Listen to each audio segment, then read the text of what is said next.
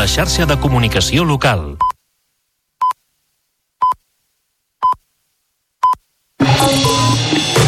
Notícies en xarxa, edició matí. Amb Taís Trujillo.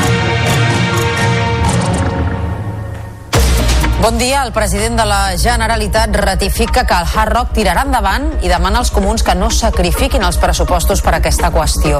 En el tram final de la negociació dels comptes, Pere Aragonès ha recordat que el macroprojecte compta amb el suport de la majoria parlamentària i ha deixat clar que es tramitarà amb totes les garanties de sostenibilitat. Precisament, el Hard Rock serà de nou protagonista avui a la cambra en la votació final de les propostes dels grups en el ple monogràfic sobre la sequera i el el canvi climàtic. Així encapçalem el Notícies en xarxa d'aquest dijous, dia 22 de febrer, i al punt de les 7 del matí repassem també altres titulars. Aquest dijous continuen les inspeccions als blocs del carrer del Canigó de Badalona després del quart desallotjament per esquerdes. Territori ha inclòs l'Ajuntament al gabinet de crisi que es reunirà de nou dilluns. Una hipòtesi amb què es treballa és la possible sobrecàrrega en un dels taulats. Pagesos i ramaders es preparen per noves protestes de cara a la setmana vinent després de la gran demostració de força de les darreres hores a Madrid. La manifestació que ha col·lapsat al centre de la capital ha dut a les portes al Ministeri el malestar i les reivindicacions de millores per al sector. L'Autoritat Catalana de Protecció de Dades alerta del risc de permetre l'escaneig de l'iris a canvi de criptomonedes. Tot plegat després que s'estiguin succeint les cues a diversos centres comercials de Barcelona on ofereixen aquesta transacció. L'entitat considera que un mal ús d'aquesta dada d'identificació inequívoca pot comportar nombrosos perjudicis. I en esports, empat a un del Barça, camp del Nàpols, en l'anada dels vuitens de final de la Lliga de Campions. Un gol de Lewandowski va avançar els Blaugrana, però Oshimen va igualar el marcador en el tram final.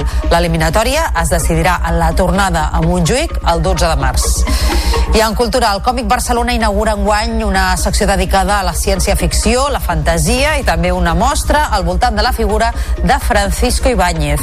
El Saló se celebrarà entre el 3 i el 5 de maig amb la presència d'autors autors reconeguts del gènere i l'objectiu de treure nous públics. Repassats els titulars, ara obrim de serveis. En primer lloc volem saber com se circula aquesta hora a les 7 del matí per la xarxa viària catalana. Per tant, connectem amb el RAC. Àlex Huguet, bon dia. Molt bon dia. Les vies habituals de l'hora punta es van omplint a poc a poc, amb algunes cues ja a la C58 en sentit sud, arribant al nus de la Trinitat, amb dos quilòmetres, o un tram també a l'enllaç de l'AP7 i la B23 al Papiol en sentit Tarragona. Les rondes també van més plenes. Avui en sentit Llobregat hi ha 3 quilòmetres d'aturades de moment des de Sant Adrià fins a la Diagonal Mar a la B10 i a la ronda de dalt són 3 quilòmetres més des de Santa Coloma i el nus de la Trinitat fins a les primeres sortides de Roquetes i la Guinaueta i ara també registren trams de boira a l'N240 a Valls, Montblanc i l'Espluga de Francolí que poden afectar també la visibilitat a la circulació. És tot des del RAC. Bon dia.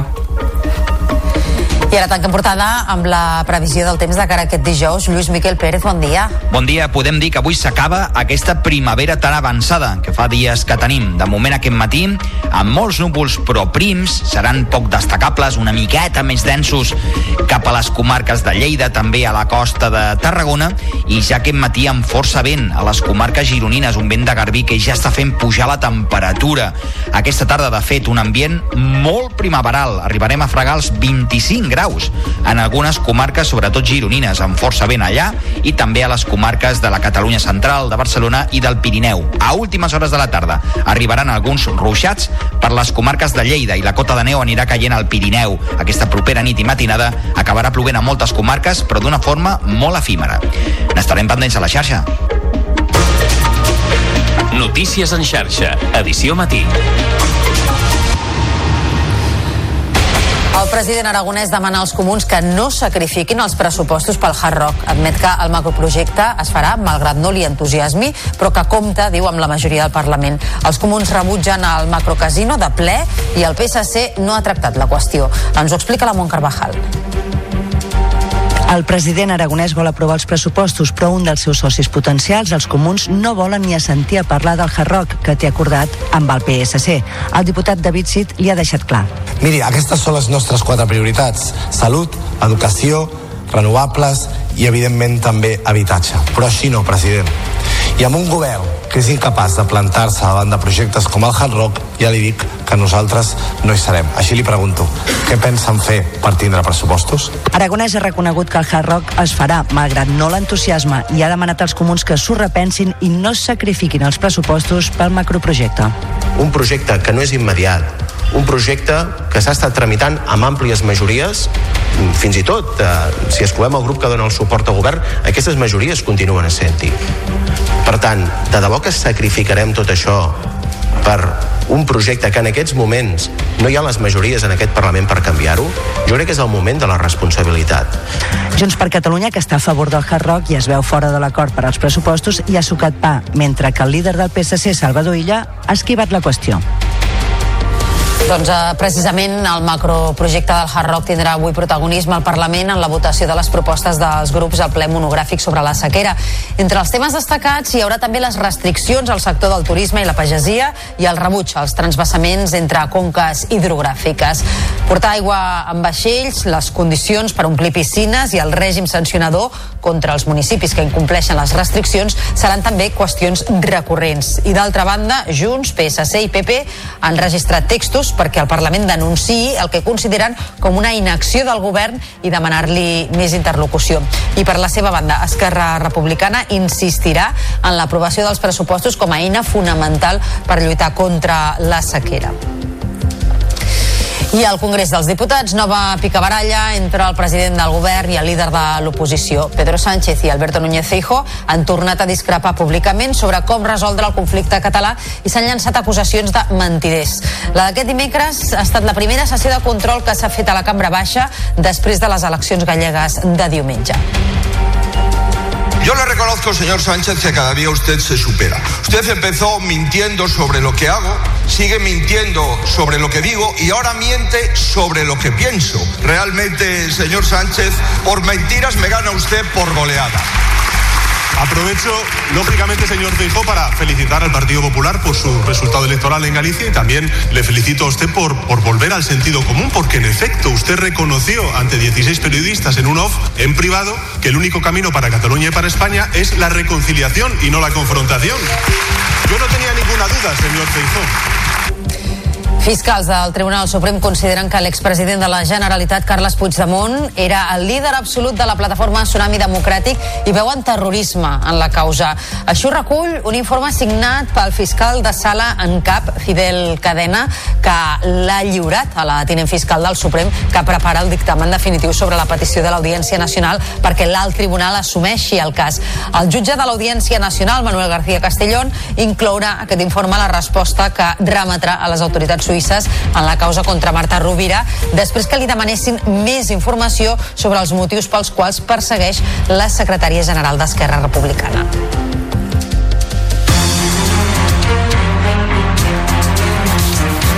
Passen ara 8 minuts de les 7 del matí. Avui han de continuar les inspeccions dels edificis del carrer del Canigó de Badalona després del quart desallotjament per l'aparició d'esquerdes. El Departament de Territori ha incorporat l'Ajuntament de la ciutat al gabinet de crisi que es tornarà a reunir dilluns vinent. En espera de les eh, conclusions, es treballa amb la hipòtesi d'una possible sobrecàrrega en un dels taulats. És una crònica de Berta Soler des de la televisió de Badalona. Aquestes esquerdes són contigües a les parets mitjaneres. És per aquest motiu que han decidit evacuar-los perquè, diuen, podria suposar risc d'esfondrament de la finca. Per dur a terme la inspecció de tots els edificis, l'empresa especialista ha sol·licitat fer ús del dron de la Guàrdia Urbana de Badalona. Així poden fer una diagnosi de l'estat de les cobertes dels immobles des de l'aire. Tot i que el regidor Daniel Gràcia assegura que encara no es poden treure conclusions, pressuposen que hi podria haver sobrecàrregues en el número 7. Ara mateix no descartem cap escenari i, per tant, anirem bloc a bloc, es formaran tres equips de, per part de l'empresa i intentarem anar el més ràpid possible en aquestes inspeccions. També s'han inspeccionat els números 13 i 15 del carrer Canigó i el 115 del carrer Ausias Marc. Entre el veïnat hi ha incertesa i nervis que s'arrosseguen des de fa més de 15 dies, concretament des de l'esfondrament del bloc 9 del mateix carrer. Yo es que cada mañana, cada día, yo duermo con un ojo abierto y uno cerrado. Yo voy al baño por la mañana y yo enciendo las luces de toda casa. Porque duerme, duerme intranquilo. Estoy intranquila porque también se puede caer, ¿no? Como pasa en aquello, en aquello de allí. Y yo estoy sola. Segons el govern badaloní, s'ha derivat a tres famílies al Cuest i afirmen que des de l'inici d'aquesta crisi s'ha donat cobertura habitacional a 10 famílies. I l'Ajuntament de Tortosa ha iniciat l'enderroc de les cases de la plaça de l'Apsis que s'havien declarat en ruïna després de ser afectades per un incendi. Els treballs s'estan realitzant amb cura, atesa la morfologia de la trama urbana, l'antiguitat i l'estabilitat del conjunt patrimonial de l'entorn. L'enderroc es fa de forma manual i afecta quatre immobles.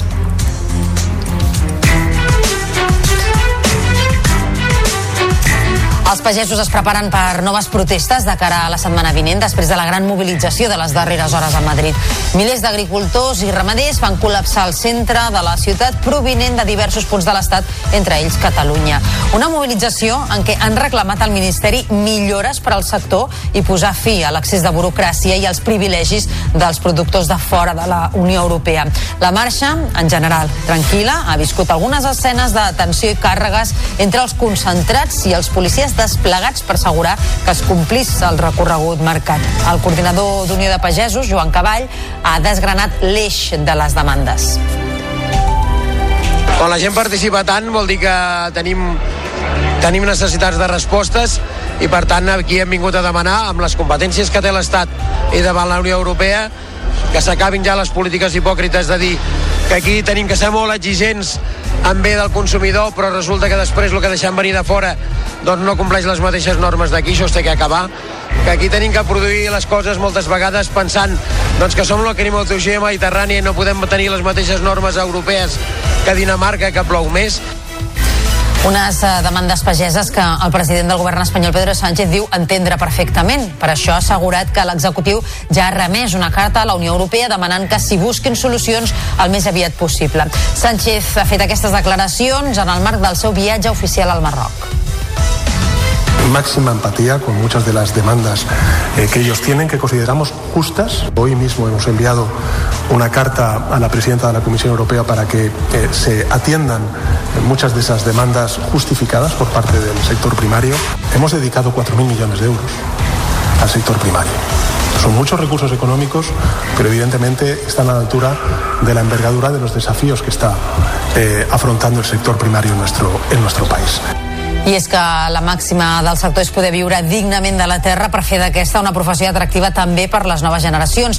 En Ricard Huguet és un jove pagès del Garraf que aquests dies també s'ha mobilitzat. Al llistat de reivindicacions ja conegudes, en Ricard hi afegeix també la necessitat d'impulsar polítiques per garantir un relleu que ara està en risc. Han parlat amb ell els companys de Canal Blau.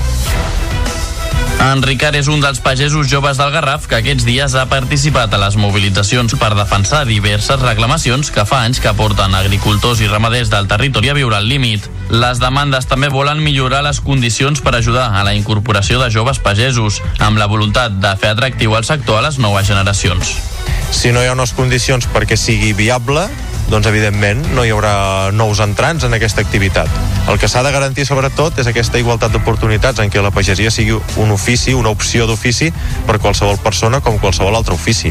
D'aquestes ajuts que hi ha per la nova incorporació d'un jove agricultor, d'aquestes ajuts que hi ha per la nova incorporació d'un jove agricultor, que ara mateix el que demanem, per exemple, ara mateix, és que s'actualitzin a la realitat del 2024, que estan estables fa molts anys, és a dir, que es dobli aquesta prima base en l'agricultura, en la incorporació de jove agricultor, que es redueixi el 50% la càrrega fiscal d'aquesta mateixa subvenció en les inversions, que no es tributi aquesta mateixa subvenció perquè és absurd i també que s'activi el que això ja està previst, que es, es, es redacti el reglament perquè hi hagi aquestes bestretes del 100% un cop tan aprovat el projecte, que no hagis de cobrar al cap de dos o tres anys.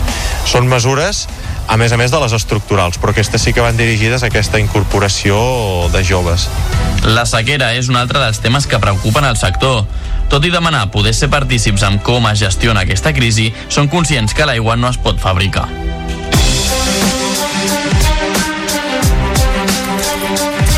Pràcticament un quart de vuit del matí, falta menys d'un minut. A diversos punts de Barcelona, els últims dies, desenes de persones han fet cua perquè els escanegessin l'iris a canvi de criptomonedes per valor de 70 euros. Els requisits, ser majors d'edat i haver demanat cita prèvia en una pràctica que ha aixecat un gran rebombori.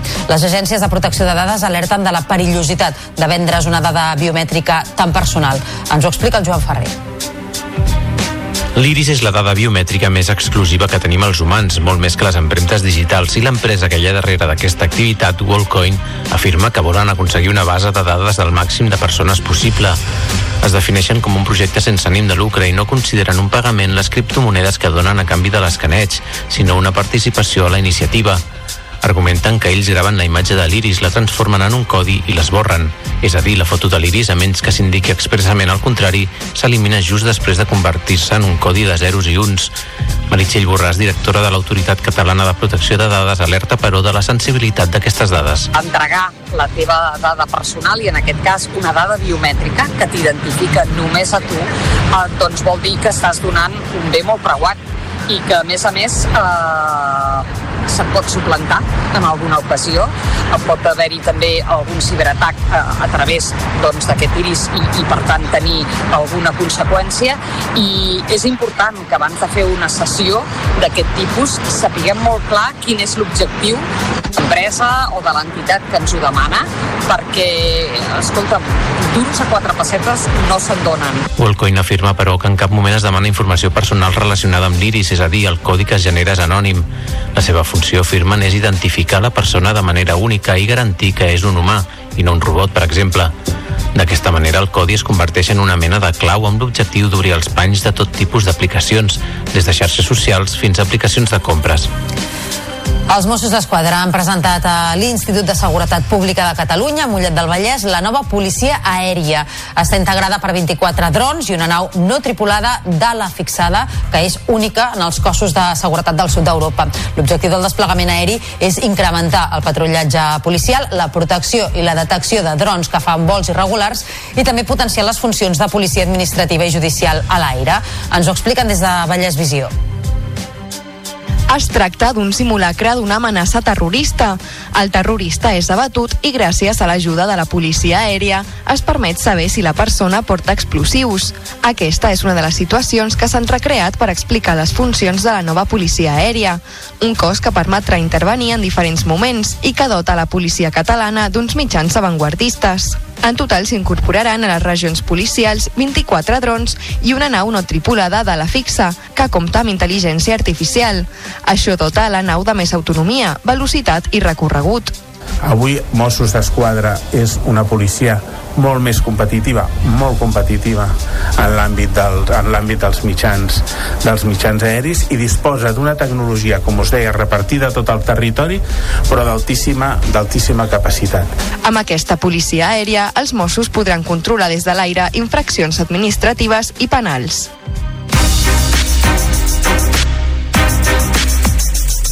La pandèmia va accelerar les migracions de zones urbanes cap a zones rurals, una tendència que seguirà lleugerament a l'alça en els pròxims anys. Són unes dades, però, que no solucionarien la problemàtica del despoblament. Ens ho explica el David Benito. Marxar de zones urbanes per establir-se a zones rurals és una tendència que va l'alça lleugerament. Aquesta és una de les principals conclusions de l'estudi de cohesió social i urbana que ha realitzat l'Institut Metròpoli per encàrrec del Pla Estratègic Metropolità de Barcelona, l'Associació d'Iniciatives Rurals de Catalunya i l'Associació Catalana de Municipis. La pandèmia va ser un dels grans detonants que van fer augmentar aquest flux migratori. Les dades extretes de l'any postpandèmic, el 2021, confirmen aquesta voluntat de marxar a zones menys denses, un trànsit de persones que no serviria, però, per posar fi a la problemàtica del despoblament de les zones rurals. Sergio Porcel és investigador de l'Institut Metròpoli i coordinador de l'estudi. Aquest fenomen ni molt menys eh, aturarà fenòmens de o processos de despoblació, diguem-ne, hem vist com eh, està molt localitzat en determinades àrees eh, rurals, no? no és un, una repoblació uniforme de, del, de l'àmbit rural. A més, l'informe identifica un risc que aquestes zones rurals que reben població urbana acabin convertint-se en municipis dormitori, on el treball i l'activitat econòmica i cultural principal es desenvolupi en municipis urbans pròxims. Implementar polítiques de treball i teletreball i la millora de transport públic i d'infraestructures evitarien aquesta situació. La nova campanya de floració Aitona en flor incorpora enguany novetats com l'experiència de passar una nit entre fruiters per poder contemplar el cel estrellat i degustacions de productes locals. Les primeres visites als camps florits de préssecs i nectarines d'aquest punt del Segrià començaran a principis de març i novament s'espera que vinguin milers de visitants per veure l'espectacle de la floració. Ens ho expliquen els companys de Lleida TV. Aitona ja ho té tot a punt per iniciar la nova campanya de la flor a principis de març. Ho farà enguany amb novetats destacades com la col·laboració del celler Raimat i d'Aitona Gourmet. Tot això derivarà amb noves activitats com l'experiència Premium de passar una nit entre fruiters per poder contemplar el cel estrellat i gaudir de les degustacions de productes locals. Una nit màgica entre flors i natura que s'irà passar unes hores sota els estels envoltada de camps de flors amb una benvinguda amb cava reimat per poder brindar sota el mantell dels estels i despertar tan envoltada de flors amb esmorzars amb productes locals dels nostres productors. Una altra novetat és el Festival Cruïlla Baix Segre, Festa de la Floració, en una edició especial de l'esdeveniment musical amb programació en diferents municipis del Baix Segre. Tota una experiència que genera uns 400.000 euros al municipi i de la que l'any passat en van gaudir uns 27.000 visitants. El 30 d'abril tancarà definitivament l'empresa Benca de Vilanova i la Geltrú, que va ser pionera en la venda per català al sector tèxtil. Només hi ha hagut una oferta per comprar la companyia i s'ha desestimat per no complir els requisits mínims. La direcció aplicarà un ERO que deixarà sense feina 151 persones, la majoria dones, i el 31 de març es tancarà la web d'aquesta empresa de moda. Es deixaran 15 dies per devolucions i es liquidaran totes les existències. Benca ha venut roba durant més de 40 anys, Espanya i Portugal havia arribat a reunir fins a 800 treballadores.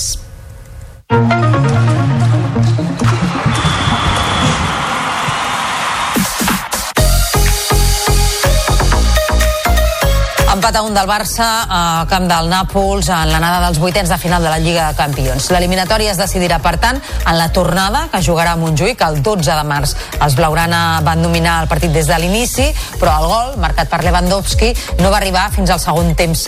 En el tram final, els de Xavi van perdre pistonada i l'equip italià ho va aprofitar per igualar el marcador amb una Diana d'Oshimen. Xavi lamentava no haver-se endut més premi sensació molt bona en el joc, eh, la pena que el resultat no ens dona, no ens dona la raó, crec que hem merescut molt més, però bé, és Champions, hem generat molt, molt en atac, hem eh, concedit molt poc en, en defensa, crec que és un partit molt, molt bo de l'equip, però bé, la llàstima que era, era per guanyar i no, no ho hem aconseguit, però bé, tenim la tornada a casa, necessitem la nostra afició i jugant d'aquesta manera crec que tenim molts números de, de passar. I aquest vespre podríem tornar a veure Ricky Rubio en acció sobre la pista. Després de mesos aturat per salut mental, el base del Masnou està a disposició del seleccionador Sergio Scariolo per disputar el partit classificatori per a l'Eurobàsquet que enfrontarà el combinat espanyol amb Letònia. Ricky explica que afronta el retorn amb bones sensacions. con nervios, eh, casi como un rookie más otra vez, pero la verdad es que me hacía mucha ilusión volver a la selección, fue donde lo dejé así que creo que es un punto y seguido después de, esta experiencia. La verdad es que no me he sentido solo en ningún momento y ha sido un apoyo muy grande, tanto en la selección como en, en Cleveland en su momento y en el baloncesto, el mundo del baloncesto en general. Y eso me ha ayudado muchísimo también a un momento tan duro. Dos mesos i mig després, el Barça torna a la Champions d'handbol amb el partit davant al Porto al Palau. Els Blaugrana lideren la taula amb 4 punts de marge respecte al tercer, el Vesprem, i poden fer un pas gairebé definitiu per segellar l'accés directe als quarts de final. El tècnic Blaugrana, Carlos Ortega, destaca la importància de sumar un triomf. Yo creo que ganando ese partido tendría que ocurrir una, una carambola muy grande para no estar clasificado para cuartos, ¿no? Pero nosotros, bueno, somos el Barça, queremos ganar todos los partidos posibles, siempre tenemos que competir y, y- queremos no solo llegar a cuartos, sino hacernos con la primera plaza, si es posible, ¿no? Ahir es va tancar la 19a jornada a l'hoquei Lliga d'hoquei patins amb dos partits. A l'Oliveres de la Riba, el Voltregà i el Noia van signar un empat a dos en un duel equilibrat. Els locals es van avançar amb un gol d'Àlex Rodríguez, però al segon temps Salvador i Rovira van capgirar el resultat. Ara bé, el Voltregà va reaccionar ràpid i en la següent jugada Jordi Burgaià va tornar a establir les taules al marcador que mantenen el Noia en segona posició i el Voltregà cinquè. D'altra banda, el Reus Deportiu va derrotar l'Igualada per un contundent 7 a 1 amb dos doblets d'Aragonès i Oruste i les dianes de Salvat, Casas i Rojas. La victòria permet als del Baix Camp apropar-se a només un punt de la cinquena posició. El jugador roig i negre, Marc Julià, feia aquesta lectura del partit. No, és un partit que potser és el primer de l'any que guanyem tanta diferència. L'únic, bàsicament, crec que primera part hem sortit bastant bé, els primers 5 minuts ells sí que ens han ficat una mica les coses difícils, però a partir d'aquí hem intentat fer el nostre joc, hem, crec que tot l'equip de, del primer a l'últim eh, ha jugat molt bé avui, però bueno, eh, la setmana passada no érem tan dolents ni ara som tan bons. Diumenge juguem a Calafell i ens juguem una, les Garrofes i a partir d'aquí és on es comença a decidir la Lliga,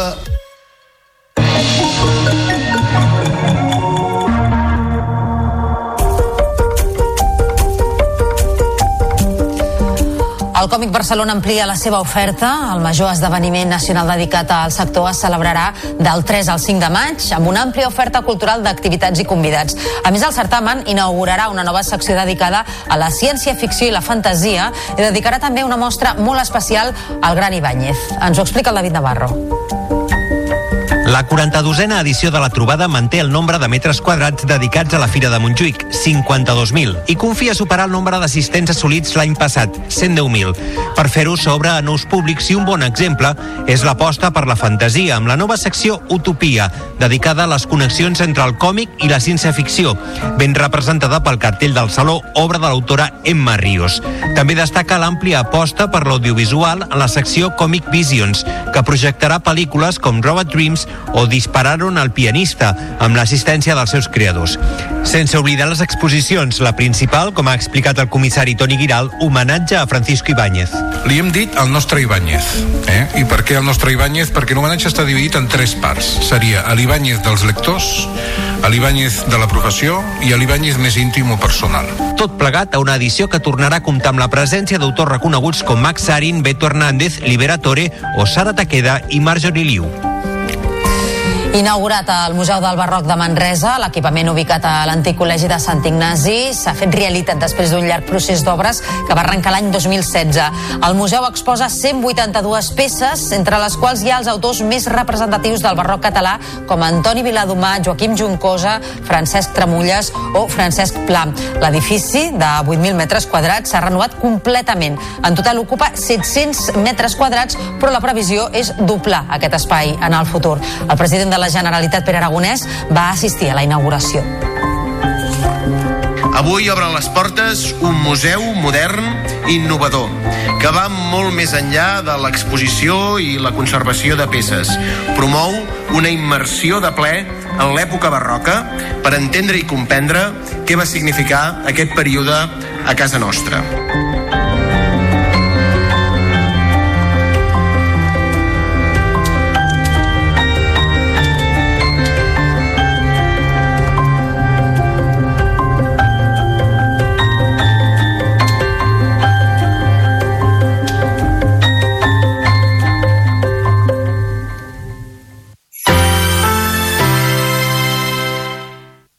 La xarxa de comunicació local. Torna al Festival Subtraveling. Inspira't en els grans, roda el teu curt i participa a Roda a TMB. Pots guanyar un viatge a Seul, una càmera professional, entre altres premis de cine. Més informació a subtravelingfestival.tmb.cat Propostes en xarxa. El Solsonès ha estat històricament el planter de patates per a moltes comarques. S'hi cultiven diverses varietats, però no és l'únic tubercle gastronòmic protagonista d'aquest territori. La tòfona també és molt apreciada. N'hi ha d'hivern, la negra, però també d'estiu, la blanca. No tenen res a veure a nivell de gust, d'aroma o de preu. I és que la negra es pot arribar a pagar a preu d'or, però en canvi tenen un punt de trobada. No només els dos tipus de tòfones, sinó també les patates o trumfos.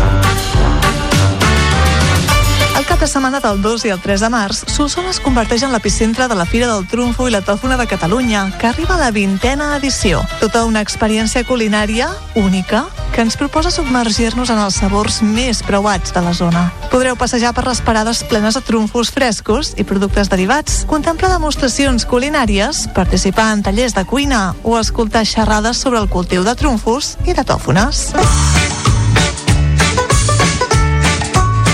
2 i el 3 de març, vintena Fira del Trumfo i la Tòfona de Catalunya a Solsona. Podeu consultar-ne tota la programació a www.firadesolsona.com.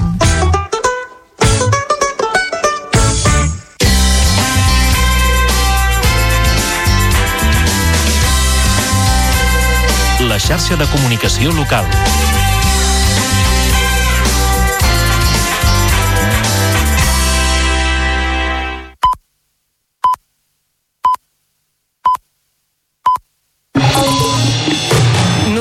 En xarxa, edició matí. Amb Taís Trujillo. Dia, són dos quarts de vuit del matí i avui encapçalem el Notícies en xarxa amb el projecte del Hard Rock després que el president de la Generalitat hagi ratificat que tirarà endavant i hagi demanat als comuns que no sacrifiquin els pressupostos per aquesta qüestió. En el tram final de negociació dels comptes, Pere Aragonès ha recordat que el macroprojecte compta amb el suport de la majoria parlamentària i ha deixat clar que es tramitarà amb totes les garanties de sostenibilitat. Precisament, el Hard Rock serà de nou protagonista avui a la cambra en la votació final de les propostes dels grups en el ple monogràfic sobre la sequera i el canvi climàtic. De seguida us ho ampliem, abans però repassem també altres titulars d'aquest dijous 22 de febrer.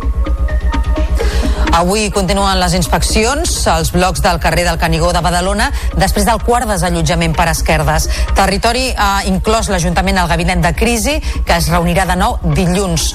Una hipòtesi amb què es treballa és la possible sobrecàrrega en un dels taulats. Pagesos i ramaders es preparen per noves protestes de cara a la setmana vinent després de la gran demostració de força de les darreres hores a Madrid. La manifestació, que ha col·lapsat al centre de la capital, ha dut a les portes del Ministeri el malestar i les reivindicacions de millores per al sector. L'Autoritat Catalana de Protecció de Dades alerta del risc de permetre l'escaneig d'iris a canvi de criptomonedes. Tot plegat després que s'estiguin succeint les cues a diversos centres comercials de Barcelona on ofereixen la transacció. L'entitat considera que un mal ús d'aquesta dada d'identificació inequívoca pot comportar nombrosos perjudicis. La bretxa salarial se situa en aquests moments a Catalunya en el 19,85%, el que significa que les dones cobren uns 6.000 euros menys que els homes. És una de les conclusions de l'informe 2024 sobre bretxa salarial que ha presentat la UGT. Coincidint amb el Dia Europeu per la Igualtat Salarial entre homes i dones, d'aquí a uns minuts ho analitzarem amb Eva Gajardo, que és la secretària d'Igualtat i Formació de la UGT. I en esports, empat a un del Barça, a camp del Nàpols, en l'anada dels vuitens de final de la Lliga de Campions. Un gol de Lewandowski va avançar els blaugrana, però Oshimen va igualar el marcador en el tram final. L'eliminatòria es decidirà en la tornada a Montjuïc el dia 12 de març. I en Cultural Còmic Barcelona inaugurarà enguany una secció dedicada a la ciència-ficció, a la fantasia i també una mostra al voltant de la figura de Francisco Ibáñez. El Saló se celebrarà entre el 3 i el 5 de maig amb la presència d'autors reconeguts del gènere i l'objectiu de treure nous públics. I ara, repassats els titulars, obrim plana serveis amb el trànsit. Segons el RAC, hi ha 6 quilòmetres d'aturades a la 2 des de Sant Andreu de la Barca en sentit Barcelona per un accident a Sant Vicenç dels Horts. S'han omplert força també altres trams, com la C58 des de Montcada i Reixac cap a Barcelona, el de Sant Quirze i la B23, com sempre, des de Molins de Rei. I les rondes van molt plenes i circula amb lentitud en alguns trams, especialment en sentit Llobregat. I ara la previsió del temps. Avui s'acabarà la primavera avançada que estem tenint. Farà força vent a les comarques gironines de la Catalunya central i el Pirineu. I es preveu que plogui la propera nit a molts llocs, però que deixi poca aigua aquesta pluja. Notícies en xarxa, edició matí. El president català Pere Aragonès ha confirmat que Hard Rock tira endavant i demana als comuns que no sacrifiquin els pressupostos per la seva oposició al macroprojecte. Els socialistes, de la seva banda, reclamen que s'acceleri l'informe mediambiental com a condició per avalar els comptes. El Hard Rock continua sent l'escull principal en les negociacions dels pressupostos i ahir va ser un dels temes centrals durant la sessió de control al govern. Ens ho explica la Mont Carvajal. El president aragonès vol aprovar els pressupostos, però un dels seus socis potencials, els comuns, no volen ni assentir a parlar del Hard Rock que té acordat amb el PSC. El diputat David Cid li ha deixat clar. Miri, aquestes són les nostres quatre prioritats. Salut, educació, renovables i, evidentment, també habitatge. Però així no, president. I amb un govern que és incapaç de plantar-se davant de projectes com el Hard Rock, ja li dic que nosaltres no hi serem. Així li pregunto, què pensen fer per tindre pressupostos? Aragonès ha reconegut que el Hard Rock es farà, malgrat no l'entusiasme, i ha demanat als comuns que s'ho repensin i no sacrifiquin els pressupostos pel macroprojecte.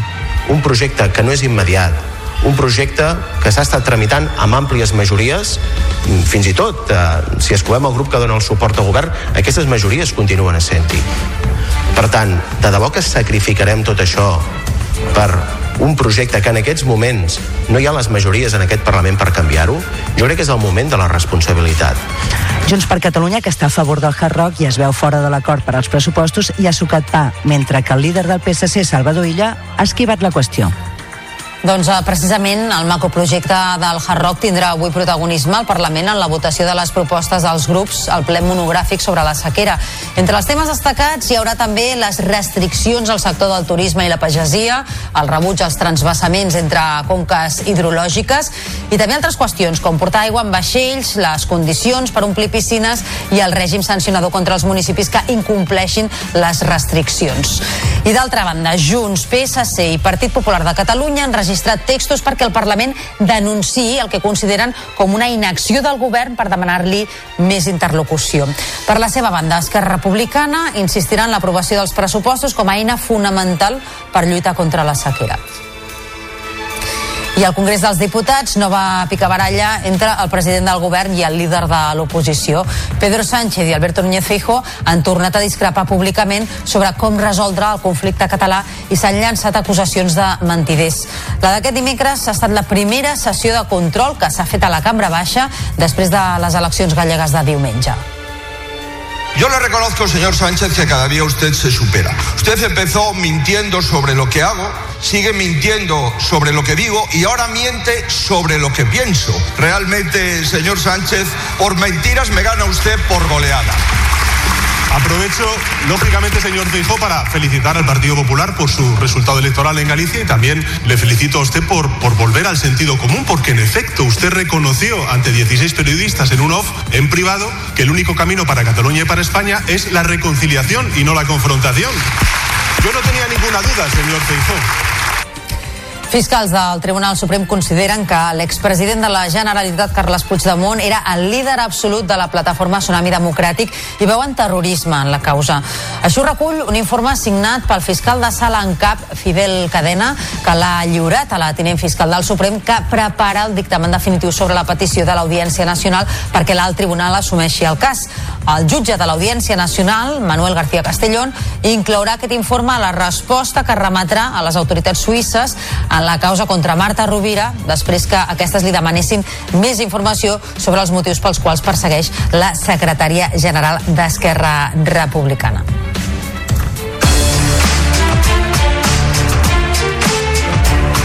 7 minuts de dos quarts de 8 del matí, avui que han de continuar les inspeccions dels edificis del carrer del Canigó de Badalona després del quart desallotjament per l'aparició d'esquerdes. El Departament de Territori ha incorporat l'Ajuntament de la ciutat al gabinet de crisi que es tornarà a reunir dilluns vinent. En espera de les eh, conclusions, es treballa amb la hipòtesi d'una possible sobrecàrrega en un dels taulats. És una crònica de la Berta Soler des de la televisió de Badalona. Aquestes esquerdes són contigües a les parets mitjaneres. És per aquest motiu que han decidit evacuar-los perquè, diuen, podria suposar risc d'esfondrament de la finca. Per dur a terme la inspecció de tots els edificis, l'empresa especialista ha sol·licitat fer ús del dron de la Guàrdia Urbana de Badalona. Així poden fer una diagnosi de l'estat de les cobertes dels immobles des de l'aire. Tot i que el regidor Daniel Gràcia assegura que encara no es poden treure conclusions, pressuposen que hi podria haver sobrecàrregues en el número 7.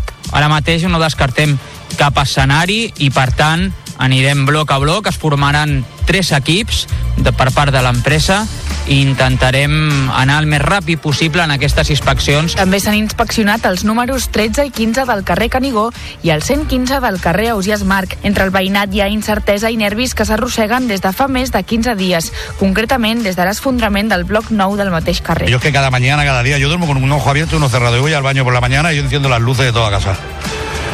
Porque pues, duerme, duerme intranquilo. Estoy intranquila porque también se puede caer, ¿no?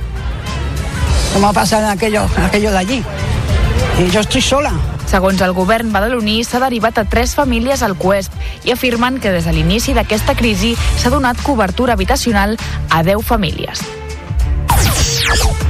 I l'Ajuntament de Tortosa ha iniciat l'enderroc de les cases de la plaça de l'Apsis que s'havien declarat en ruïna després de ser afectades per un incendi.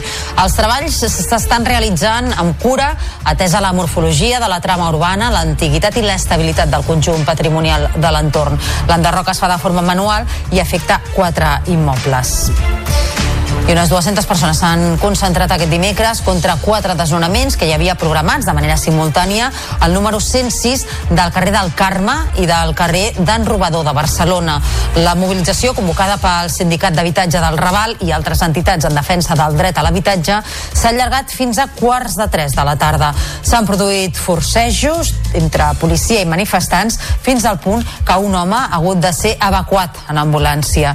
Finalment s'han executat dos dels quatre desnonaments i els altres dos han quedat posposats.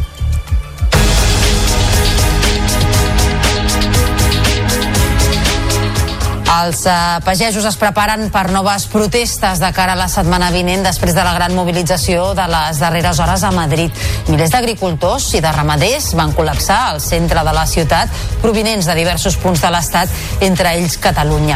Una mobilització en què han reclamat al Ministeri millores per al sector i posar fi a l'accés de burocràcia i als privilegis dels productors de fora de la Unió Europea. La marxa, en general tranquil·la, ha viscut algunes escenes de tensió i càrregues entre els concentrats i els policies desplegats per assegurar que es complís el recorregut marcat. El coordinador d'Unió de Pagesos, Joan Cavall, ha desgranat l'eix de les demandes.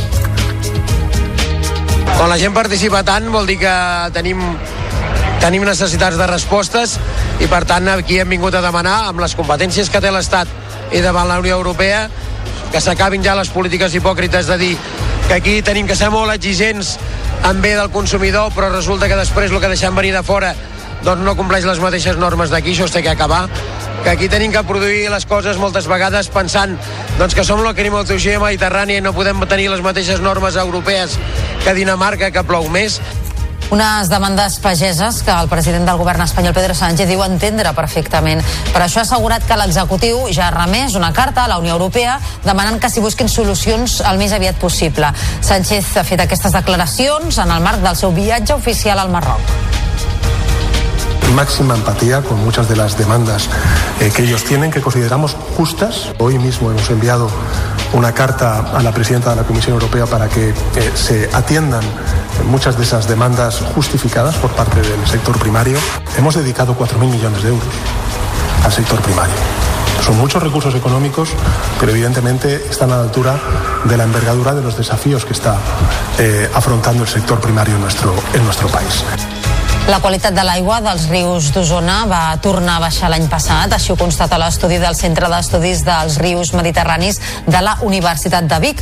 La sequera, que ha fet disminuir el cabal, i el fet que es mantinguin els contaminants que arriben al riu provoquen que l'aigua vagi progressivament perdent qualitat. En té més detalls l'Arnau Jaumira, del Nou TV. El Medre, al seu pas pel nucli urbà de Vic i el Rimentol a la zona de la desembocadura són els dos trams de riu amb una pitjor qualitat de l'aigua del 16 que el Centre d'Estudis dels Rius Mediterranis ha analitzat a Osona en l'estudi anual corresponent al 2023 de l'estat ecològic dels cursos fluvials de la comarca. Hi ha nou trams més amb qualitat mediocre i en només 5 casos el resultat ha estat entre bo i molt bo. La davallada de la qualitat és generalitzada i es nota tant en els punts on ja era baixa com també en els llocs com el Gès a Forat Micó on l'estiu passat es va passar del màxim de qualitat fins al segon. Ha disminuït el cabal també allà, no hi ha tanta aigua corrent, eh, els hàbitats ja no són els mateixos perquè clar, hi ha molta menys aigua i allà també notem que comença a disminuir la qualitat. Per tant, fins i tot els de referència notem aquest petit canvi. Des del CERM alerten que l'escenari que s'està dibuixant aquests últims anys tindrà continuïtat i que a banda de les restriccions en l'ús de l'aigua cal reduir l'aplicació d'adobs en els camps de conreu i també canviar els barems d'abocament de les depuradores. L'Ajuntament de Mieres porta gastats més de 60.000 euros en cisternes d'aigua. La font principal del poble es va secar fa 8 mesos i l'únic pou que tenen ja no era suficient per garantir el subministrament de tot el municipi. L'alcaldessa, Núria Martínez, espera rebre aviat una subvenció que els permeti construir un altre pou i evitar augmentar més l'endeutament. Tots els detalls en aquesta crònica d'Olot TV.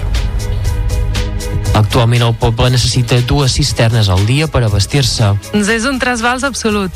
Uh, quan nosaltres vam entrar uh, hi havia una mica de romanent de tresoreria uh, va quedar tot destinat uh, a cubes. Vam fer, sí que vam fer un parell de modificacions a crèdit per unes subvencions que ja havíem rebut uh, i després va anar tot destinat a cubes. És més, uh, vam haver d'eliminar partides pressupostàries de l'any 2023 per poder, per poder pagar cubes. En poc temps l'Ajuntament espera poder començar a construir un nou pou, tot i que estan tenint problemes amb els materials del subsol que fan no potable l'aigua que de per si hi ha per tota la vall. L'anterior equip de govern ja va encarregar un estudi hidrològic i ara esperen que una part important d'una subvenció que han de rebre de la Diputació els permeti començar a veure la llum al final del túnel.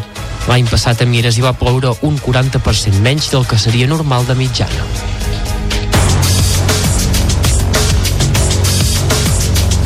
Tres quarts de vuit ara del matí a diversos punts de Barcelona els últims dies desenes de persones han fet cua perquè els escanegessin l'iris a canvi de criptomonedes per valor de 70 euros.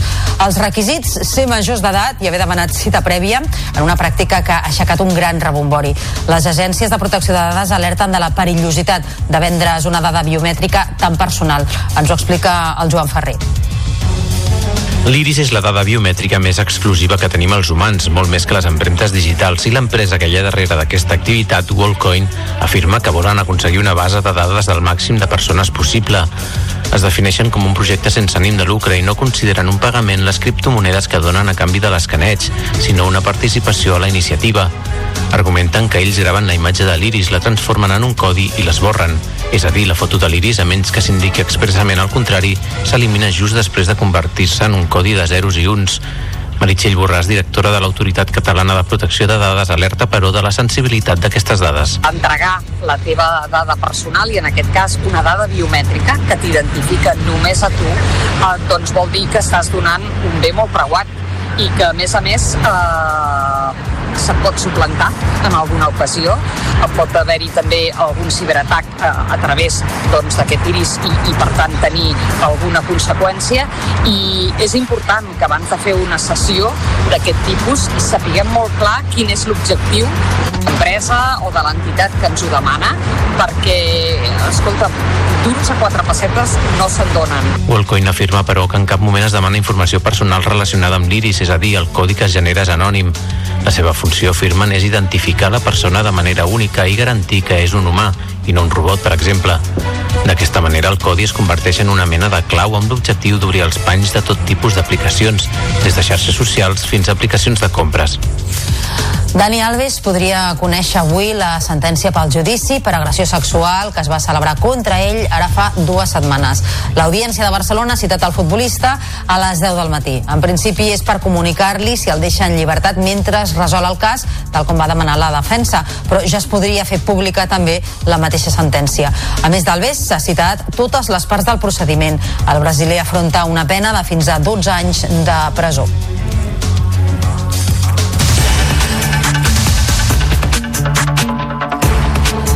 És el Dia Europeu per la Igualtat Salarial entre homes i dones, una jornada que busca fer més visible la bretxa salarial entre gèneres i contribuir a la reducció d'aquestes desigualtats per part dels agents socials.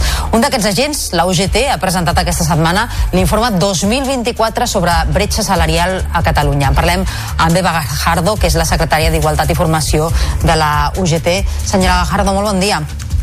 Hola, bon dia. Quin és eh, l'abast d'aquest estudi que ha fet la, la UGT? En què s'han fixat? Bueno, doncs aquest any eh, la primera cosa que hem de destacar és que la bretxa salarial i després des de l'any 2017 ha pujat. Ha pujat no, no gaire cosa, sí que és cert que és només un 0,36%, ara mateix estem en un 19,85% de, de bretxa salarial, però el canvi és significatiu perquè fins ara la bretxa estava disminuint. Això, si ho traduïm una miqueta a números reals, vol dir que les dones, per passar el mes, tenen una mitjana de 516 euros menys que els seus companys homes hem d'analitzar en aquest cas que, quines són no? les causes perquè les dones encara avui, en ple segle XXI, estan cobrant menys per feines d'igual valor, que no dic que siguin feines iguals, sinó del mateix valor. I és que els rols de gènere encara avui a la nostra societat tenen un pes intangible veient com les excedències per la cura de fills i filles són agafades eh, àmpliament per les dones, amb un 92%. El temps parcial, també per la cura de fills i filles, és empanat per les dones també en un 84%.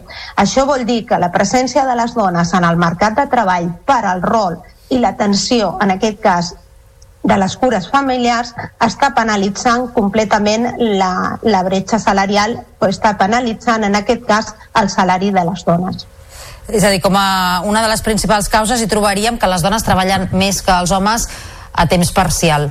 Uh, això com es pot combatre més enllà del canvi cultural, eh? però em refereixo legalment què es pot fer si tenint en compte que uh, aquest salari inferior respon a una jornada també inferior. Entenc que és complicat combatre-ho des del punt de vista de legislació. Bueno, són molt eh, les causes, no és única i exclusivament el temps parcial, però sí que és cert que si les dones al final agafen aquest temps parcial és perquè necessiten temps per cuidar de la família.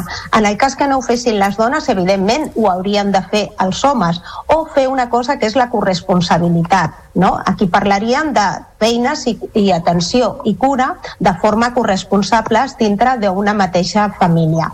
Però també hem de tenir en compte, a part d'aquests rols de gènere, que també les administracions han de posar el seu granet de, de, de sorra en quant a envers la conciliació. Vol dir que hem de tenir més serveis no? d'atenció i de cura perquè nosaltres també ens puguem dedicar de forma corresponsable a les feines de, de l'atenció i de la cura a la nostra, a la nostra societat hem de parlar també no, de la importància que tenen les lleis i aquesta transparència salarial. Hem de saber molt bé quins són els números i que les empreses siguin realment transparents a l'hora d'analitzar el que és la bretxa salarial. Mm. Aquí no som policies, el que volem fer és unes polítiques d'igualtat que no discrimini a ningú Avui per avui les dones estan preparades eh, adequacionalment amb un, 50, un 54% eh, dones són amb títols universitaris eh, i aquesta mitjana va per, per sobre dels propis homes. Llavors no, en,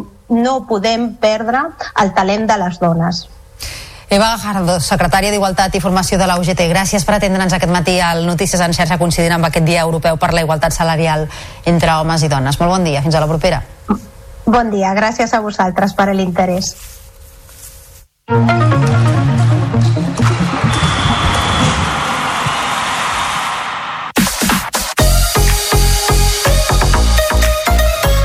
Empat a un del Barça a camp del Nàpols en l'anada dels vuitens de final de la Lliga de Campions. L'eliminatòria es decidirà, per tant, en la tornada que jugarà a Montjuïc el 12 de març. Els blaugrana van dominar el partit des de l'inici, però el gol, marcat per Lewandowski, no va arribar fins al segon temps. En el tram final, els de Xavi van perdre a pistonada i l'equip italià ho va aprofitar per igualar el marcador amb una diana d'Oximen.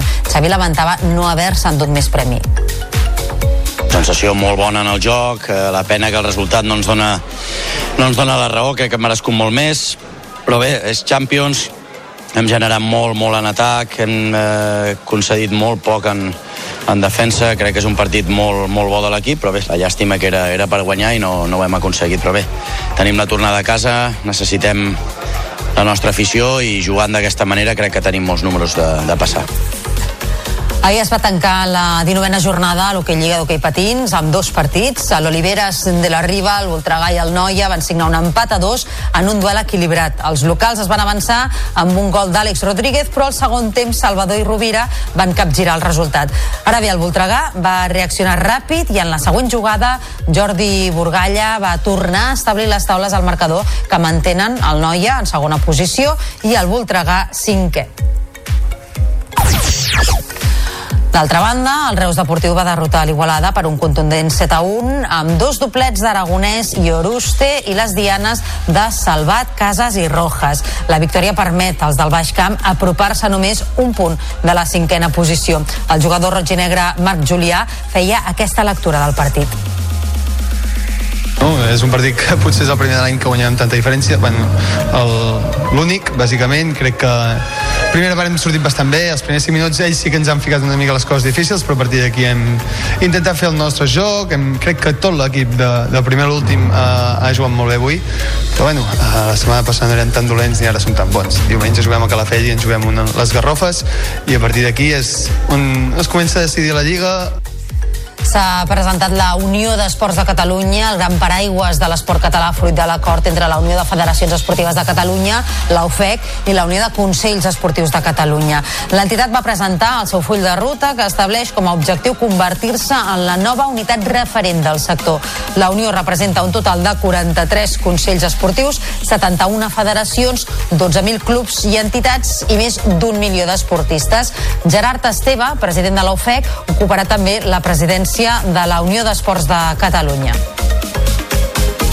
Bé, això és un, un dia històric, un dia històric perquè dos entitats doncs, que sempre ens hem dedicat o que hem treballat paral·lelament doncs, ens hem posat d'acord per tal de buscar sinergies i multiplicar aquest efecte, perquè el que busquem tant una com l'altra és tenir una població més feliç a través de l'esport. El que pretenem és una miqueta que diferents persones, diferents stakeholders busquin i ens expliquin quina és la seva visió també d'aquest nou projecte que neix, un projecte que al final no és res més que copiar el que fan els sistemes esportius més avançats del món.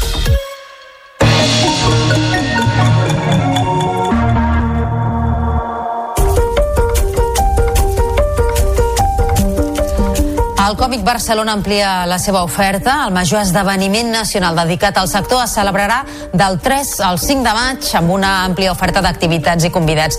A més, el certamen inaugurarà una nova secció dedicada a la ciència-ficció i la fantasia i dedicarà també una mostra molt especial al Gran Ibáñez. És una crònica de David Navarro. La 42a edició de la trobada manté el nombre de metres quadrats dedicats a la Fira de Montjuïc, 52.000, i confia superar el nombre d'assistents assolits l'any passat, 110.000. Per fer-ho s'obre a nous públics i un bon exemple és l'aposta per la fantasia, amb la nova secció Utopia, dedicada a les connexions entre el còmic i la ciència-ficció, ben representada pel cartell del Saló, obra de l'autora Emma Ríos. També destaca l'àmplia aposta per l'audiovisual en la secció Comic Visions, que projectarà pel·lícules com Robot Dreams o Dispararon al pianista, amb l'assistència dels seus creadors. Sense oblidar les exposicions, la principal, com ha explicat el comissari Toni Giral, homenatge a Francisco Ibáñez. Li hem dit el nostre Ibáñez. Eh? I per què el nostre Ibáñez? Perquè l'homenatge està dividit en tres parts. Seria l'Ibáñez dels lectors, l'Ibáñez de la professió i l'Ibáñez més íntim o personal. Tot plegat a una edició que tornarà a comptar amb la presència d'autors reconeguts com Max Sarin, Beto Hernández, Liberatore o Sara Taqueda i Marjorie Liu. Barcelona recordarà Salvador Puig Antic coincidint amb el 50è aniversari de la seva execució. L'epicentre d'aquest homenatge serà la quarta galeria de l'antiga presó model on durant sis dies es programaran diferents activitats gratuïtes amb l'objectiu de reflexionar sobre la seva figura. Puig Antic va ser el darrer pres polític executat a Garrot Vil a la presó. Va ser el 2 de març de 1974.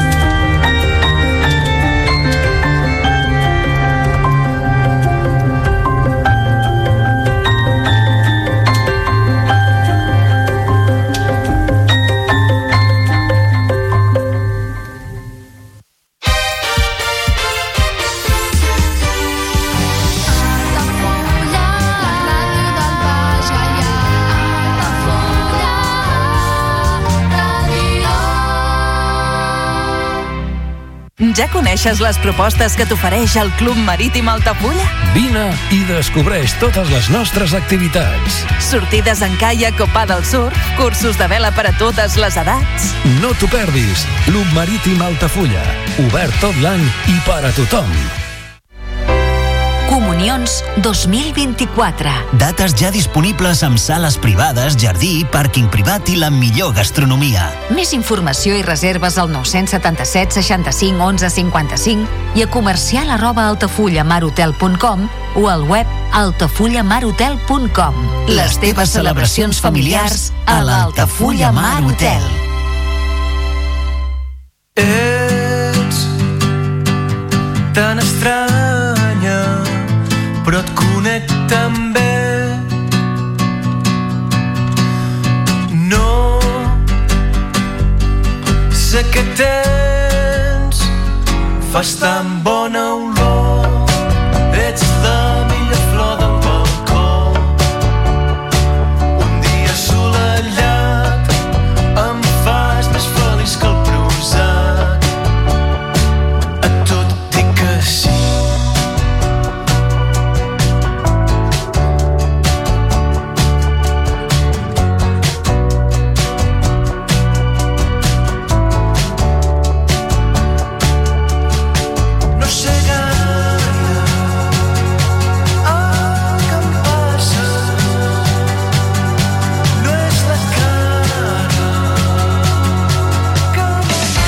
xarxa de comunicació local.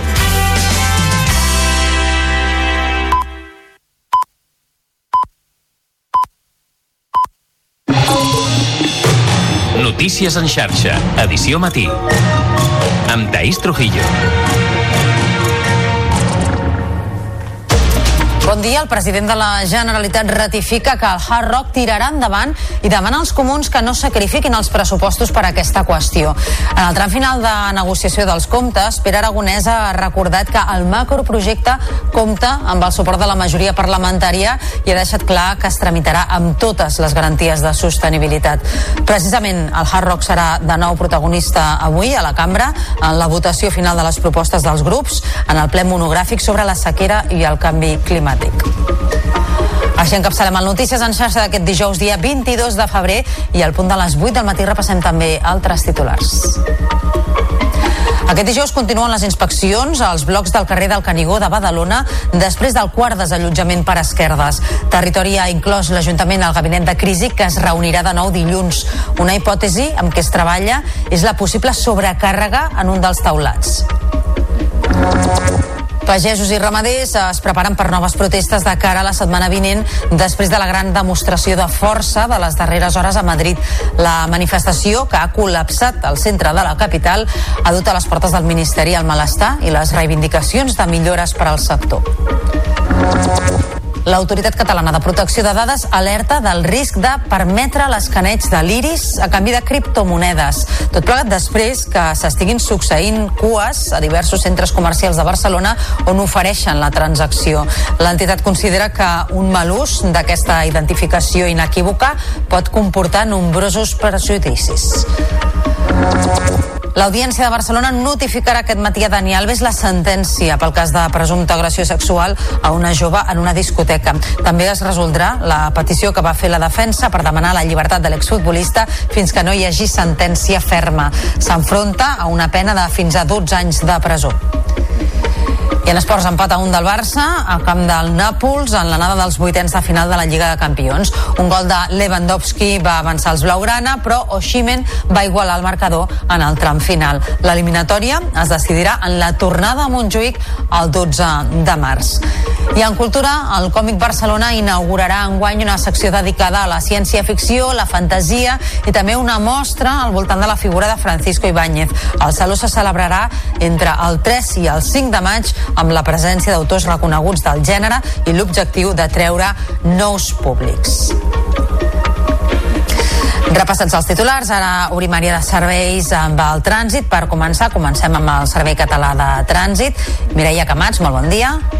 Hola, molt bon dia. A hores d'ara destaquem que a l'autovia 2 hi ha retencions de Andreu de la Barca a Sant Vicenç dels Horts en sentit Barcelona per un accident i més endavant aturades també a Sant Joan d'Espí per anar cap a Barcelona. A la B23, a la possible via alternativa, hi ha retencions del Papiol a Sant Joan d'Espí en sentit Barcelona. A la C32, a l'autopista del Garraf hi ha cua de Gavàs Plugues en sentit nord. A la C31 hi ha retencions del Prat de Llobregat en sentit Barcelona.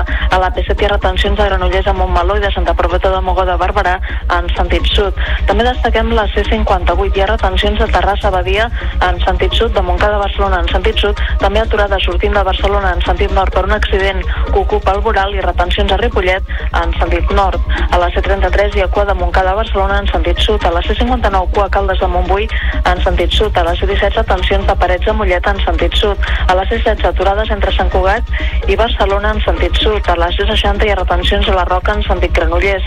A la Pota Nord aturades a Santa Coloma de Gramenet en sentit sud i la C31 carregada a Badalona en sentit Barcelona. Pel que fa referència a les rondes de Barcelona, molt carregades amb trams de retenció en tots dos sentits.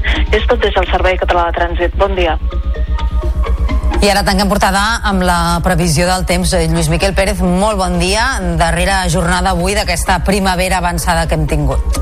Així és, Taís, molt bon dia. De fet, a hores d'ara, de fred no en fa gaire i la tònica d'aquesta temperatura agradable que continuarà durant tot el matí. Sobretot és a les comarques de Girona, on aquesta temperatura està sent més confortable perquè hi està bufant el vent de Garbí o de Ponent, un vent força insistent que ha de continuar bufant tot el matí en aquella banda gironina. A la resta del país, menys vent, força núvols, però són esquifits a la seva majoria, una miqueta més gruixuts a hores d'ara es mouen entre l'àrea de Barcelona i el Camp de Tarragona, no són núvols de pluja, i atenció perquè aquesta tarda la temperatura arribarà a fregar els 25 graus de màxima. Al Vallès, per exemple, al Penedès, també a l'interior de Girona, amb més vent de Ponent i de Garbí, i a últimes hores del dia, ja de nit, arribaran algunes pluges per les comarques de Ponent que aquesta propera nit afectaran la resta del país. Taís, podem dir que aquesta propera matinada tindrem un canvi radical de temperatura i demà al matí molta gent ja es queixarà que ha arribat l'hivern de cop.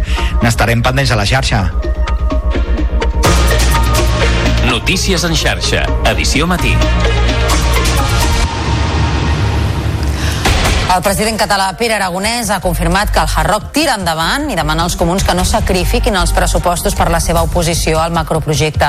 Els socialistes de la seva banda reclamen que s'acceleri l'informe mediambiental com a condició per avalar els comptes. El Hard Rock continua sent l'escull principal en les negociacions dels pressupostos i ahir va ser un dels temes centrals durant la sessió de control al govern. Ens ho explica la Mont Carvajal. El president aragonès vol aprovar els pressupostos, però un dels seus socis potencials, els comuns, no volen ni assentir a parlar del Hard Rock que té acordat amb el PSC. El diputat David Cid li ha deixat clar. Miri, aquestes són les nostres quatre prioritats. Salut, educació, renovables i, evidentment, també habitatge. Però així no, president. I amb un govern que és incapaç de plantar-se davant de projectes com el Hard Rock, ja li dic que nosaltres no hi serem. Així li pregunto, què pensen fer per tindre pressupostos? Aragonès ha reconegut que el Hard Rock es farà, malgrat no l'entusiasme, i ha demanat als comuns que s'ho repensin i no sacrifiquin els pressupostos pel macroprojecte. Un projecte que no és immediat, un projecte que s'ha estat tramitant amb àmplies majories fins i tot, eh, si excloem el grup que dona el suport al govern, aquestes majories continuen sent-hi. Per tant, de debò que sacrificarem tot això per un projecte que en aquests moments no hi ha les majories en aquest Parlament per canviar-ho, jo crec que és el moment de la responsabilitat. Junts per Catalunya, que està a favor del Hard Rock i es veu fora de l'acord per als pressupostos, i ha sucat pa, mentre que el líder del PSC, Salvador Illa, ha esquivat la qüestió. Doncs eh, precisament el macroprojecte del Hard Rock tindrà avui protagonisme al Parlament en la votació de les propostes dels grups al ple monogràfic sobre la sequera. Entre els temes destacats hi haurà també les restriccions al sector del turisme i la pagesia i el rebuig als transvassaments entre conques hidrogràfiques. Portar aigua en vaixells, les condicions per omplir piscines i el règim sancionador contra els municipis que incompleixen les restriccions seran també qüestions recurrents. I d'altra banda, Junts, PSC i Partit Popular de Catalunya Catalunya han registrat textos perquè el Parlament denunciï el que consideren com una inacció del govern i també per demanar-li més interlocució. I per la seva banda, Esquerra Republicana insistirà en l'aprovació dels pressupostos com a eina fonamental per lluitar contra la sequera. I al Congrés dels eh, Diputats no va picar baralla entre el president del govern i el líder de l'oposició. Pedro Sánchez i Alberto Núñez Feijóo han tornat a discrepar públicament sobre com resoldre el conflicte català i s'han llançat acusacions de mentiders. La d'aquest dimecres ha estat la primera sessió de control que s'ha fet a la Cambra Baixa després de les eleccions gallegues de diumenge. Yo le reconozco, señor Sánchez, que cada día usted se supera. Usted empezó mintiendo sobre lo que hago, sigue mintiendo sobre lo que digo y ahora miente sobre lo que pienso. Realmente, señor Sánchez, por mentiras me gana usted por goleada. Aprovecho, lógicamente, señor Feijóo, para felicitar al Partido Popular por su resultado electoral en Galicia y también le felicito a usted por, por volver al sentido común, porque en efecto usted reconoció ante 16 periodistas en un off, en privado, que el único camino para Cataluña y para España es la reconciliación y no la confrontación. Yo no tenía ninguna duda, señor Feijóo. Fiscals del Tribunal Suprem consideren que l'expresident de la Generalitat, Carles Puigdemont, serà, era el líder absolut de la plataforma Tsunami Democràtic i veuen terrorisme en aquesta causa. Això recull un informe signat pel fiscal de sala en cap, Fidel Cadena, que l'ha lliurat a la tinent fiscal del Suprem, que prepara el dictamen definitiu sobre la petició de l'Audiència Nacional perquè l'alt tribunal assumeixi el cas. El jutge de l'Audiència Nacional, Manuel García Castellón, inclourà aquest informe la resposta que remetrà a les autoritats suïsses en la causa contra Marta Rovira després que li demanessin més informació sobre els motius pels quals persegueix la secretària general d'Esquerra Republicana.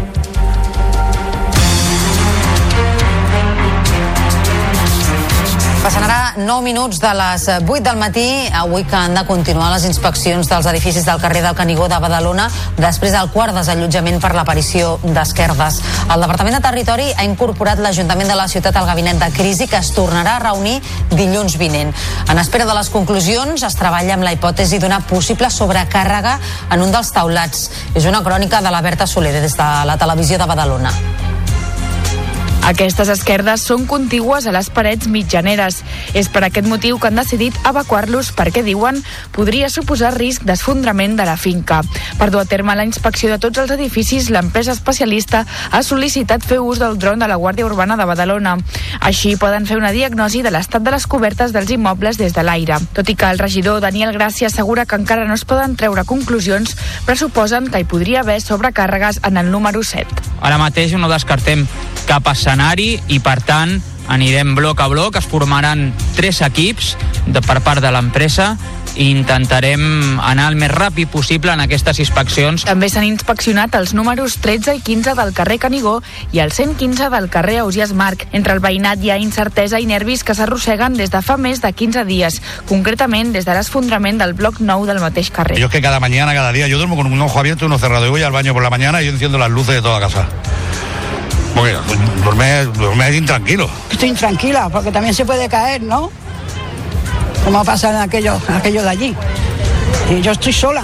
Segons el govern badaloní, s'ha derivat a tres famílies al Cuest i afirmen que des de l'inici d'aquesta crisi s'ha donat cobertura habitacional a 10 famílies.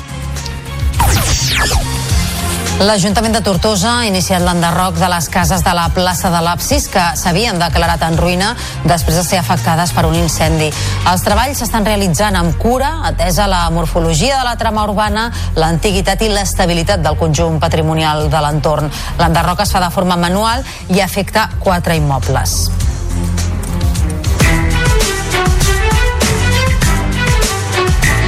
Els pagesos es preparen per noves protestes de cara a la setmana vinent després de la gran mobilització de les darreres hores a Madrid. Milers d'agricultors i ramaders van col·lapsar al centre de la ciutat provinents de diversos punts de l'Estat, entre ells Catalunya. Una mobilització en què han reclamat al Ministeri millores per al sector i posar fi a l'accés de burocràcia i als privilegis dels productors de fora de la Unió Europea. La marxa, en general tranquil·la, ha viscut algunes escenes de tensió i càrregues entre els concentrats i els policies desplegats per assegurar que es complís el recorregut marcat. El coordinador d'Unió de Pagesos, Joan Cavall, ha desgranat l'eix de les demandes.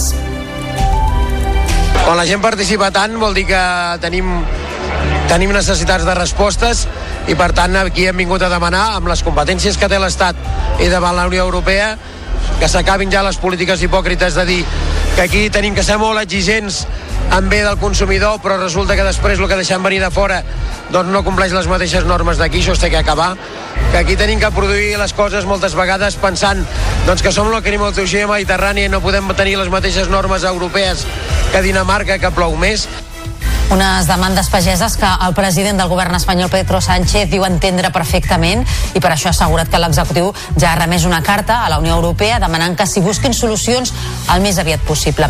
Sánchez ha fet aquestes declaracions en el marc del seu viatge oficial al Marroc. máxima empatía con muchas de las demandas eh, que ellos tienen, que consideramos justas. Hoy mismo hemos enviado una carta a la presidenta de la Comisión Europea para que eh, se atiendan eh, muchas de esas demandas justificadas por parte del sector primario. Hemos dedicado 4.000 millones de euros al sector primario. Son muchos recursos económicos, pero evidentemente están a la altura de la envergadura de los desafíos que está eh, afrontando el sector primario nuestro, en nuestro país. I és que la màxima del sector és poder viure dignament de la terra per fer d'aquesta una professió atractiva també per les noves generacions. En Ricard Huguet és un jove pagès del Garraf que aquests dies també s'ha mobilitzat. Al llistat de reivindicacions conegudes, en Ricard hi afegeix també la necessitat d'impulsar polítiques per garantir un relleu que ara diu està en risc. Han parlat amb ell els companys de Canal Blau. En Ricard és un dels pagesos joves del Garraf que aquests dies ha participat a les mobilitzacions per defensar diverses reclamacions que fa anys que porten agricultors i ramaders del territori a viure al límit. Les demandes també volen millorar les condicions per ajudar a la incorporació de joves pagesos, amb la voluntat de fer atractiu el sector a les noves generacions. Si no hi ha unes condicions perquè sigui viable, doncs evidentment no hi haurà nous entrants en aquesta activitat. El que s'ha de garantir sobretot és aquesta igualtat d'oportunitats en què la pagesia sigui un ofici, una opció d'ofici per qualsevol persona com qualsevol altre ofici. D'aquestes ajuts que hi ha per la nova incorporació d'un jove agricultor, que ara mateix el que demanem, per exemple, ara mateix, és que s'actualitzin a la realitat del 2024, que estan estables fa molts anys, és a dir, que es dobli aquesta prima base, que es redueixi el 50% la càrrega fiscal d'aquesta mateixa subvenció en les inversions, que no es tributi aquesta mateixa subvenció perquè és absurd i també que s'activi el, es redacti el reglament perquè hi hagi aquestes bestretes del 100% un cop t'han aprovat el projecte que no hagis de cobrar al cap de dos o tres anys. Són mesures a més a més de les estructurals, però aquestes sí que van dirigides a aquesta incorporació de joves. La sequera és un altre dels temes que preocupen el sector. Tot i demanar poder ser partícips amb com es gestiona aquesta crisi, són conscients que l'aigua no es pot fabricar.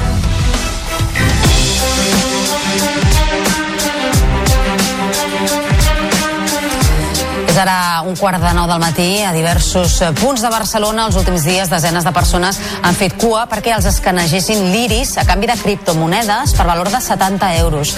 Els requisits, ser majors d'edat i haver demanat cita prèvia en una pràctica que ha aixecat un gran rebombori. Les agències de protecció de dades alerten de la perillositat de vendre's una dada biomètrica tan personal. Ens ho explica el Joan Ferrer. L'iris és la dada biomètrica més exclusiva que tenim els humans, molt més que les empremtes digitals, i l'empresa que hi ha darrere d'aquesta activitat, Wallcoin, afirma que volen aconseguir una base de dades del màxim de persones possible. Es defineixen com un projecte sense ànim de lucre i no consideren un pagament les criptomonedes que donen a canvi de l'escaneig, sinó una participació a la iniciativa. Argumenten que ells graven la imatge de l'iris, la transformen en un codi i l'esborren. És a dir, la foto de l'iris, a menys que s'indiqui expressament al contrari, s'elimina just després de convertir-se en un codi de zeros i uns.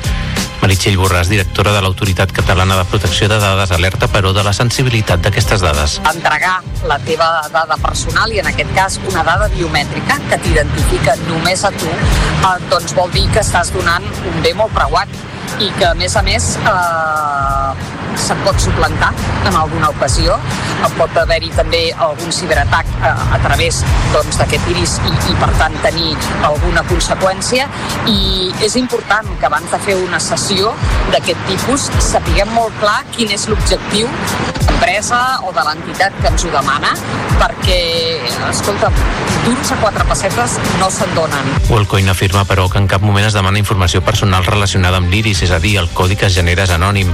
La seva funció, afirmen, és identificar la persona de manera única i garantir que és un humà i no un robot, per exemple. D'aquesta manera, el codi es converteix en una mena de clau amb l'objectiu d'obrir els panys de tot tipus d'aplicacions, des de xarxes socials fins a aplicacions de compres. Dani Alves podria conèixer avui la sentència pel judici per agressió sexual que es va celebrar contra ell ara fa dues setmanes. L'Audiència de Barcelona ha citat el futbolista a les 10 del matí. En principi és per comunicar-li si el deixa en llibertat mentre es resol el cas, tal com va demanar la defensa. Però ja es podria fer pública també la mateixa sentència. A més d'Alves, s'ha citat totes les parts del procediment. El brasiler afronta una pena de fins a 12 anys de presó.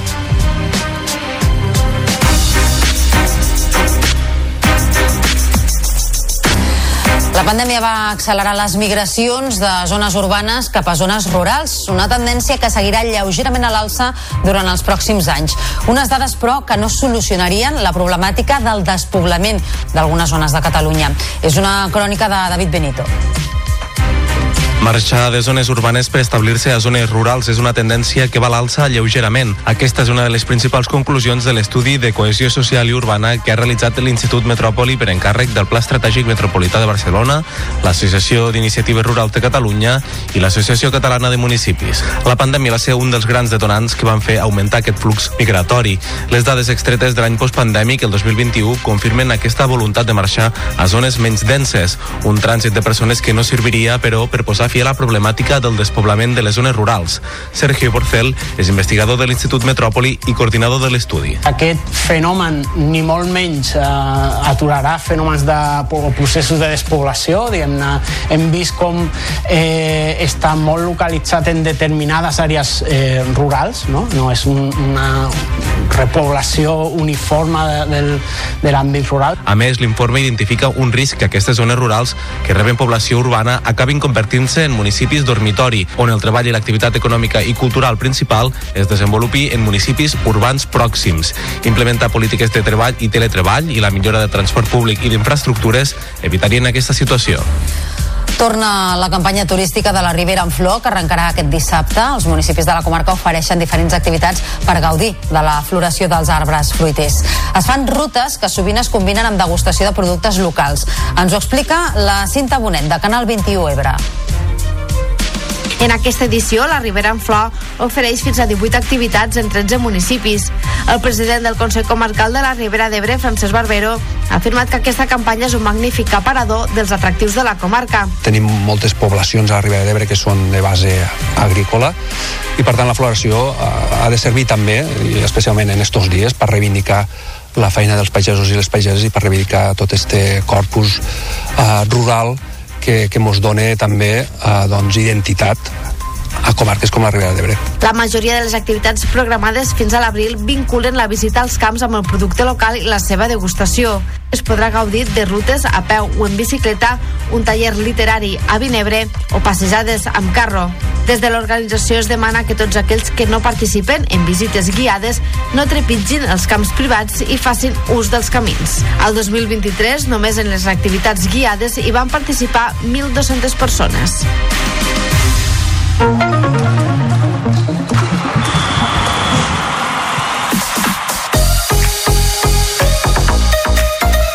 Empat a un del Barça a camp del Nàpols en l'anada dels vuitens de final de la Lliga de Campions. L'eliminatori es decidirà, per tant, en la tornada que jugarà a Montjuïc el 12 de març. Els blaugrana van dominar el partit des de l'inici, però el gol, marcat per Lewandowski, no va arribar fins al segon temps. En el tram final, els de Xavi van perdre pistonada i l'equip italià ho va aprofitar per igualar el marcador amb una diana d'Oximen. Xavi lamentava no haver-se endut més premi sensació molt bona en el joc, eh, la pena que el resultat no ens dona, no ens dona la raó, crec que hem merescut molt més, però bé, és Champions, hem generat molt, molt en atac, hem eh, concedit molt poc en, en defensa, crec que és un partit molt, molt bo de l'equip, però bé, la llàstima que era, era per guanyar i no, no ho hem aconseguit, però bé, tenim la tornada a casa, necessitem la nostra afició i jugant d'aquesta manera crec que tenim molts números de, de passar. I aquest vespre podríem tornar a veure Ricky Rubio en acció sobre la pista. Després de mesos aturat per salut mental, el base del Masnou està a disposició del seleccionador Sergio Escariolo per disputar el partit classificatori per a l'Eurobàsquet que enfrontarà el combinat espanyol amb Letònia. Ricky explica que afronta el retorn amb bones sensacions. con nervios, eh, casi como un rookie más otra vez, pero la verdad es que me hacía mucha ilusión volver a la selección, fue donde lo dejé así que creo que es un punto y seguido después de, esta experiencia. La verdad es que no me he sentido solo en ningún momento y ha sido un apoyo muy grande, tanto la selección como en, en Cleveland en su momento y en el baloncesto, el mundo del baloncesto en general. Y eso me ha ayudado muchísimo también a un momento tan duro. Dos mesos i mig després, el Barça torna a la Champions d'handbol amb el partit davant el Porto al Palau. Els blaugrana lideren la taula amb 4 punts de marge respecte al tercer al Vesprem i poden fer un pas gairebé definitiu per segellar l'accés directe als quarts de final. El tècnic blaugrana, Carlos Ortega, destaca la importància de sumar un triomf. Yo creo que ganando ese partido tendría que ocurrir una, una carambola muy grande para no estar clasificado para cuartos, ¿no? Pero nosotros, bueno, somos el Barça, queremos ganar todos los partidos posibles, siempre tenemos que competir y, y- queremos no solo llegar a cuartos, sino hacernos con la primera plaza, si es posible, ¿no? Ahir es va tancar la 19a jornada a l'Hockey Lliga d'Hockey Patins amb dos partits. A l'Oliveres de la Riba, el Voltregà i el Noia van signar un empat a dos en un duel equilibrat. Els locals es van avançar amb un gol d'Àlex Rodríguez, però al segon temps Salvador i Rovira van capgirar el resultat. Ara bé, el Voltregà va reaccionar ràpid i en la següent jugada Jordi Burgalla va tornar a establir les taules al marcador que mantenen el Noia en segona posició i el Voltregà cinquè. I d'altra banda, el Reus Deportiu va derrotar l'Igualada per un contundent 7 a 1 amb dos doblets d'Aragonès i Oruste i les dianes de Salvat, Casas i Rojas. La victòria permet als del Baix Camp apropar-se a només un punt de la cinquena posició. I s'ha presentat la Unió d'Esports de Catalunya, el gran paraigües de l'esport català, fruit de l'acord entre la Unió de Federacions Esportives de Catalunya, la UFEC, i la Unió de Consells Esportius de Catalunya. L'entitat va presentar el seu full de ruta, que estableix com a objectiu convertir-se en la nova unitat referent del sector. La Unió representa un total de 43 consells esportius, 71 federacions, 12.000 clubs i entitats i més d'un milió d'esportistes. Gerard Esteve, president de la UFEC, ocuparà també la presidència de la Unió d'Esports de Catalunya. Bé, això és un, un dia històric, un dia històric perquè dos entitats doncs, que sempre ens hem dedicat o que hem treballat paral·lelament doncs, ens hem posat d'acord per tal de buscar sinergies i multiplicar aquest efecte, perquè el que busquem tant una com l'altra és tenir una població més feliç a través de l'esport. El que pretenem és una miqueta que diferents persones, diferents stakeholders busquin i ens expliquin quina és la seva visió també d'aquest nou projecte que neix, un projecte que al final no és res més que copiar el que fan els sistemes esportius més avançats del món.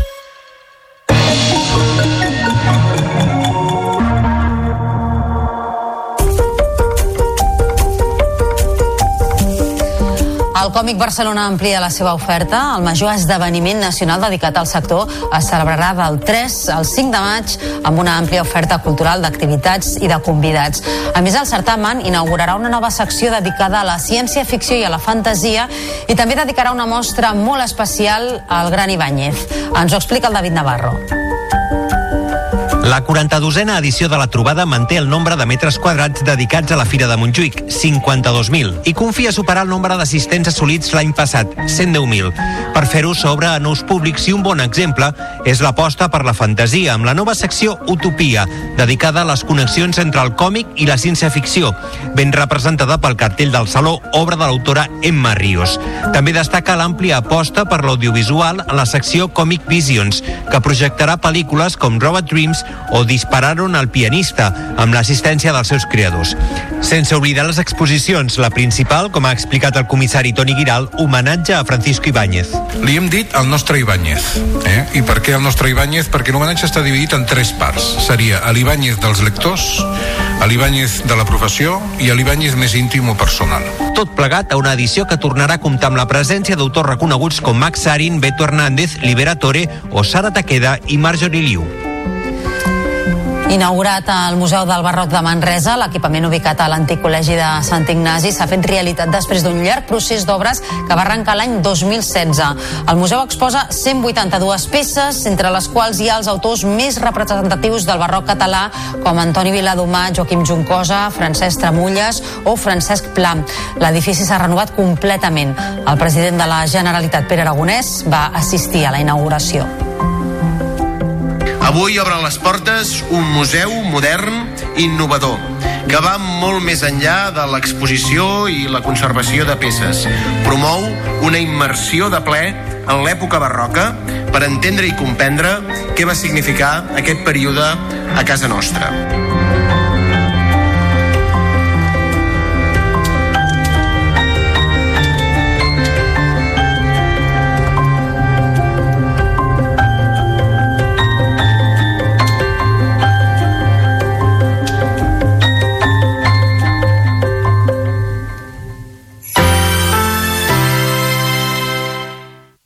La xarxa de comunicació local. Torna al Festival Subtraveling. Inspira't en els grans, roda el teu curt i participa a Roda a TMB. Pots guanyar un viatge a Seul, una càmera professional, entre altres premis de cine. Més informació a subtravelingfestival.tmb.cat.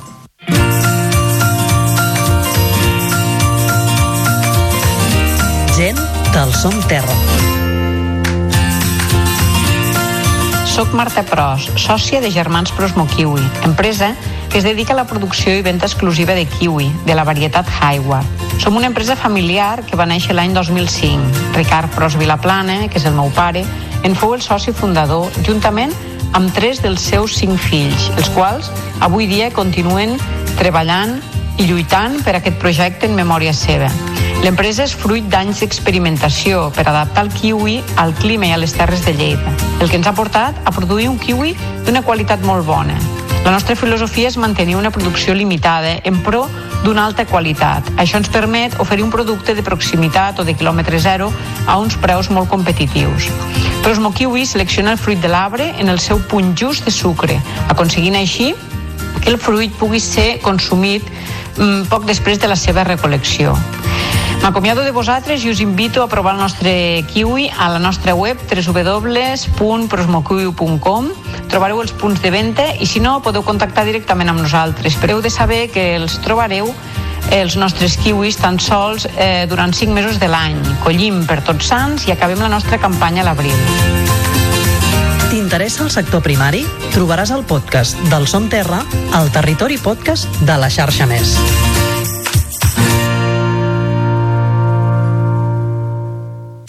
La xarxa de comunicació local.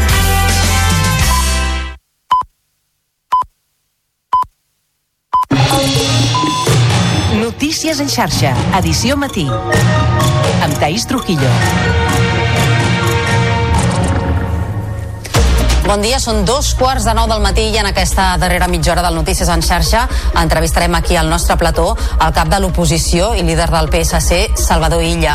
Amb ell analitzarem l'actualitat política després que el president de la Generalitat hagi ratificat que el Hard Rock tirarà endavant i hagi demanat als comuns que no sacrifiquin els pressupostos per aquesta qüestió. En el tram final de la negociació dels comptes, Pere Aragonès ha recordat que el macroprojecte compta amb el suport de la majoria parlamentària i ha deixat clar que es tramitarà amb totes les les garanties de sostenibilitat. Precisament, el Hard Rock serà de nou protagonista avui a la cambra en la votació final de les propostes dels grups en el ple monogràfic sobre la sequera i el canvi climàtic. Abans d'entrar en matèria, però, repassem també la resta de titulars que marquen l'actualitat d'aquest dijous 22 de febrer. Avui continuen les inspeccions als blocs del carrer del Canigó de Badalona després del quart desallotjament per esquerdes. Territori ha inclòs l'Ajuntament al gabinet de crisi que es tornarà a reunir dilluns. Una hipòtesi amb què es treballa és la possible sobrecàrrega en un dels taulats. I hem recollit l'alerta de l'Autoritat Catalana de Protecció de Dades sobre el risc de permetre l'escaneig de l'iris a canvi de criptomonedes. Tot plegat després que s'estiguin succeint les cues a diversos centres comercials de Barcelona on ofereixen la transacció. L'entitat considera que un mal ús d'aquesta dada d'identificació inequívoca pot comportar nombrosos perjudicis. I aquest dijous estarem pendents de l'Audiència de Barcelona que notificarà aquest matí a Dani Alves la sentència pel cas de presumpta agressió sexual a una jove en una discoteca. També es resoldrà la petició que va fer la defensa per demanar la llibertat de l'exfutbolista fins que no hi hagi sentència ferma. S'enfronta a una pena de fins a 12 anys de presó. I empat a un del Barça a camp del Nàpols en l'anada dels vuitens de final de la Lliga de Campions. Un gol de Lewandowski va avançar els Blaugrana, però Oshimen va igualar el marcador en el tram final. L'eliminatòria es decidirà en la tornada a Montjuïc el dia 12 de març. I en clau cultural, el Còmic Barcelona inaugurarà enguany una secció dedicada a la ciència-ficció, a la fantasia i també una mostra al voltant de la figura de Francisco Ibáñez. El Saló se celebrarà entre el 3 i el 5 de maig amb la presència d'autors reconeguts del gènere i també l'objectiu de treure nous públics. Notícies en xarxa, edició matí.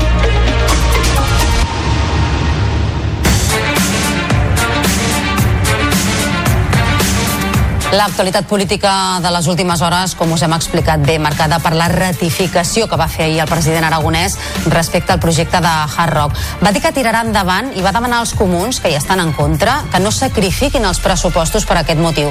Per parlar-ne d'aquesta i d'altres eh, qüestions, hem convidat avui al nostre plató del Notícies en xarxa el primer secretari del PSC i líder de l'oposició, senyor Salvador Illa. Molt bon dia. Què tal? Molt bon dia. No sé si està satisfet amb aquesta declaració de defensa pública que va fer ahir el president aragonès sobre el projecte de Hard Rock al qual recordem vostès hi estan a favor. Això formava part d'uns acords que vam fer l'any passat jo sempre he tingut la confiança i així ho he expressat en, en la paraula i en la signatura del president Aragonès però el que em sembla que hem de fer és centrar-nos en, en, en pensar en el que necessita en aquest moment Catalunya, la societat catalana. Vostès saben que jo eh, des de ja fa, en fi, des de les darreres eleccions, des de l'inici d'aquesta legislatura estic centrat en construir una alternativa, un esquema de govern que em sembla que no funciona, però que ho faig amb, amb mà estesa o intento fer-ho amb mà estesa i pensant en el que necessita el país. No? I crec que en aquest moment Catalunya com els anys anteriors necessitava, necessita un pressupost. Estem en una situació de sequera complicada i per tant ens hem de centrar en el que necessita Catalunya, no? en donar les eines perquè la societat catalana pugui fer front de la millor manera possible a aquesta situació. Nosaltres voldríem una Catalunya de 10, una Catalunya ambiciosa i per això hem assenyalat tres prioritats en matèria d'educació, tenim uns resultats PISA doncs, en fi, que no són els que mereixem com a país en matèria de seguretat i en matèria d'habitatge no? i en això estem no? eh, i per tant, en fi, amb converses intenses amb el govern a veure si podem arribar a un principi d'acord no? Vostès tenen ja acordat que aquest projecte del Hard Rock tirarà endavant perquè els comuns eh, estan en contra i també necessiten eh, per part del govern la seva aprovació als pressupostos. Bé, eh, aquest és una, una, una qüestió que té un tràmit administratiu que ha de continuar. Això no, és, eh, no pot quedar sotmès a l'arbitrarietat de si m'agrada o no m'agrada. Aquí hi ha una llicència donada, fixi's, el 2016, tot un projecte administratiu que ha sigut impugnat, que ha hagut de, re, de ser revisat i que està en una tramitació administrativa que arbitràriament no pot ser, no pot ser interrompuda no? Per tant el que vam dir nosaltres és segueixis aquest procés administratiu no? això ja és de l'any passat ja l'any passat ja va ser la qüestió aquesta ja va estar damunt de la taula nosaltres sempre hem dit que el ha de ser seriós el país, Catalunya, ha de ser un país seriós i solvent i si hi ha uns tràmits a seguir, s'han de seguir aquests tràmits i no poden quedar subjectes ni a conjuntures ni a voluntats que per cert tampoc són majoritàries al Parlament de Catalunya on hi ha una majoria sí, va recordar també a favor, president. a favor de tirar endavant aquest projecte Uh -huh. Però fins i tot en les circumstàncies actuals de sequera eh, seria possible o es plantejarien acceptar que es posposés la tramitació? en un període com el que estem ara de sequera totes les activitats en, estan sotmeses als règims eh, excepcionals que hi hagi a la sequera. Aquest i tots. No? Ara hem de recordar que la ubicació concreta al Camp de Tarragona d'aquest projecte doncs, no està en la situació d'emergència que tenim aquí, però ningú res, ni de projectes existents ni de projectes que puguin venir han de quedar al marge de la situació excepcional que estem vivint en una part important de Catalunya per no haver fet els deures no, els darrers anys i no estar prou preparats per afrontar una situació de sequera com la que estem vivint no? Uh -huh. Des de Comuns parlen de 8 milions de litres d'aigua diaris en aquest complex Miri, escolti'm eh, eh, hi ha una situació d'emergència en una part de Catalunya no al Camp de Tarragona i a mi eh, certs plantejaments que mm, aprofiten una conjuntura de sequera on per cert no hem fet, torno a repetir els deures per poder refrontar amb, amb, amb solvència i amb, i amb serietat per, amb, posar en risc la generació de prosperitat a Catalunya, doncs, en fi, jo ho respecto però no, no ho comparteixo. Catalunya ha de generar prosperitat i un cop generada ha de repartir bé. I nosaltres estem en això en què Catalunya generi prosperitat i en escoltar per cert el que demanen els territoris. I en el territori del Camp de Tarragona hi ha una demanda molt àmplia molt transversal per cert a favor de generar, de generar prosperitat assentant un sector i en el sector turístic que juntament amb el polígon petroquímic són les dues potes de prosperitat d'aquesta zona de Catalunya que té tot el dret del món a mirar el futur amb il·lusió i amb optimisme i bueno, demanen i defensen aquest, aquest projecte no? eh, respecte a la sequera hi ha plantejaments de dir, escolti'm, eh, actuem sobre la demanda d'aigua que estem de menys això s'ha de fer ara, no hi ha més remei que fer-ho perquè no hem fet els deures que havíem de fer però el nostre enfoc és eh, actuem sobre l'oferta d'aigua. Fem que hi hagi més aigua disponible i intentem que aquesta aigua disponible no depengui de que plogui o no plogui. És dir, desacoplem l'oferta d'aigua de la pluviometria no? i això s'ha fet eh, en molts llocs del món. Aquí ho sabem fer, aquí ho hem començat a fer, el que passa que hem, estem anant tard no? com es fa? Es fa amb desaladores i amb projectes de regeneració d'aigua no? que és el que hem de fer, posar l'accent en això i per tant fer les inversions que ja fa un any vam acordar amb una llei al Parlament de Catalunya, no? que és eh, fer una desaladora, ampliar la desaladora de la Tordera, construir-ne una al Foix i eh, regenerar aigua del riu Besòs. No? Amb això podríem augmentar considerablement l'oferta d'aigua i poder afrontar en millors condicions la sequera. Per què no s'ha fet això? Perquè hem estat despistats amb altres coses. Això és la realitat de, que ha passat aquests darrers anys, almenys des del meu punt de vista. coses? Pues vostè ja ho sap, però fixi's vostè el abans de 10 anys a Catalunya. Sequera i no estem prou preparats. Amb educació, a la cua d'Espanya. Amb energies renovables no hem avançat res aquests darrers 10 anys. No s'han fet instal·lacions noves d'energia òbica o d'energia eh, solar, no? quan la resta d'Espanya s'ha multiplicat per dos la capacitat instal·lada d'aquestes dues energies. No? Amb infraestructures tan rellevants com l'aeroport o infraestructures viàries o ferroviàries estem arribant al límit de la seva capacitat i no s'acaben de prendre les decisions per posar-les al dia. No? Estem parlant de la connexió de Catalunya amb la resta d'Espanya i amb el món. Bueno, doncs, què hem estat fent? Però hem estat centrats en altres prioritats, per això jo crec que és rellevant doncs, poder girar full d'uns anys que des del meu punt de vista no han estat positius per Catalunya i centrar totes les energies de les institucions d'autogovern de Catalunya en resoldre aquests problemes que des del meu punt de vista almenys són els problemes concrets que afecten a la vida dels ciutadans no? Tindrem pressupostos aviat? Està previst que es reuneixi vostè amb el president de la Generalitat en els propers dies per acabar de tancar-ho? Jo voldria que tinguéssim pressupostos aviat com fos possible. De fet, des de setembre vinc dient el mateix, que nosaltres estem en condicions de, i amb voluntat d'arribar a un acord. Ara s'ha de fer d'acord amb els pesos parlamentaris que tenen, tenim els diferents grups polítics i la nostra voluntat sempre ha estat aquesta. Jo tinc un diàleg que he de reconèixer fluït, aquests, sobretot aquestes darreres setmanes amb el senyor Aragonès bueno, i la nostra disposició i la nostra voluntat ha estat sempre la mateixa. Per tant, sempre ho he dit, pel PSC si es donen les condicions que s'han de donar no quedarà, crec que l'actitud que hem tingut aquests anys eh, aquesta, durant aquesta legislatura ha estat sempre una actitud mm, constructiva des d'aquest punt de vista. Penso que que ningú que miri objectivitat la realitat pot dir el PSC ha anat a entrebancar, el PSC ha intentat o, o socis han intentat burxar i... no, crec que doncs, escolti, vam, vam aprovar els pressupostos de l'any passat. Atenció, acabava de, de trencar-se el govern. Acabava de trencar-se el govern. Vam estendre la mà posar en condicions perquè hi haguessin pressupostos, fixis, i, i, i en fi, eh, en fi, jo, en fi, va ser un resultat millor les eleccions que el senyor Aragonès, hi vaig guanyar, però no, vam pensar o vam intentar pensar o vam actuar moguts per pensar més en el que interessava a Catalunya, no en el que ens podia interessar a nosaltres. No? A mi m'agradaria que... Jo crec estic convençut eh, que aquesta és la manera de fer les coses, eh, fer política útil, pensant més en els ciutadans en tu mateix, i m'agradaria que fos una actitud molt més compartida al Parlament de Catalunya, és dir, que, que, en fi, que es pensés menys en les eleccions, que ja arribaran quan arribin, i més en com podem ajudar a superar moments que no són fàcils, en aquest, en aquest cas concret em refereixo a la sequera. No? Mm -hmm. Ara per ara, què els allunya a vostès d'Esquerra Republicana per acabar de decidir el seu sí als pressupostos? Nosaltres hem estat molt, molt clars amb, amb, amb els tres eixos que per nosaltres són importants en aquests pressupostos. Voldríem mm, ambició en polítiques d'habitatge, no de fer, és a dir, anar a buscar una construcció de 10.000 habitatges, ambició, amb molta col·laboració amb el que és el món municipal.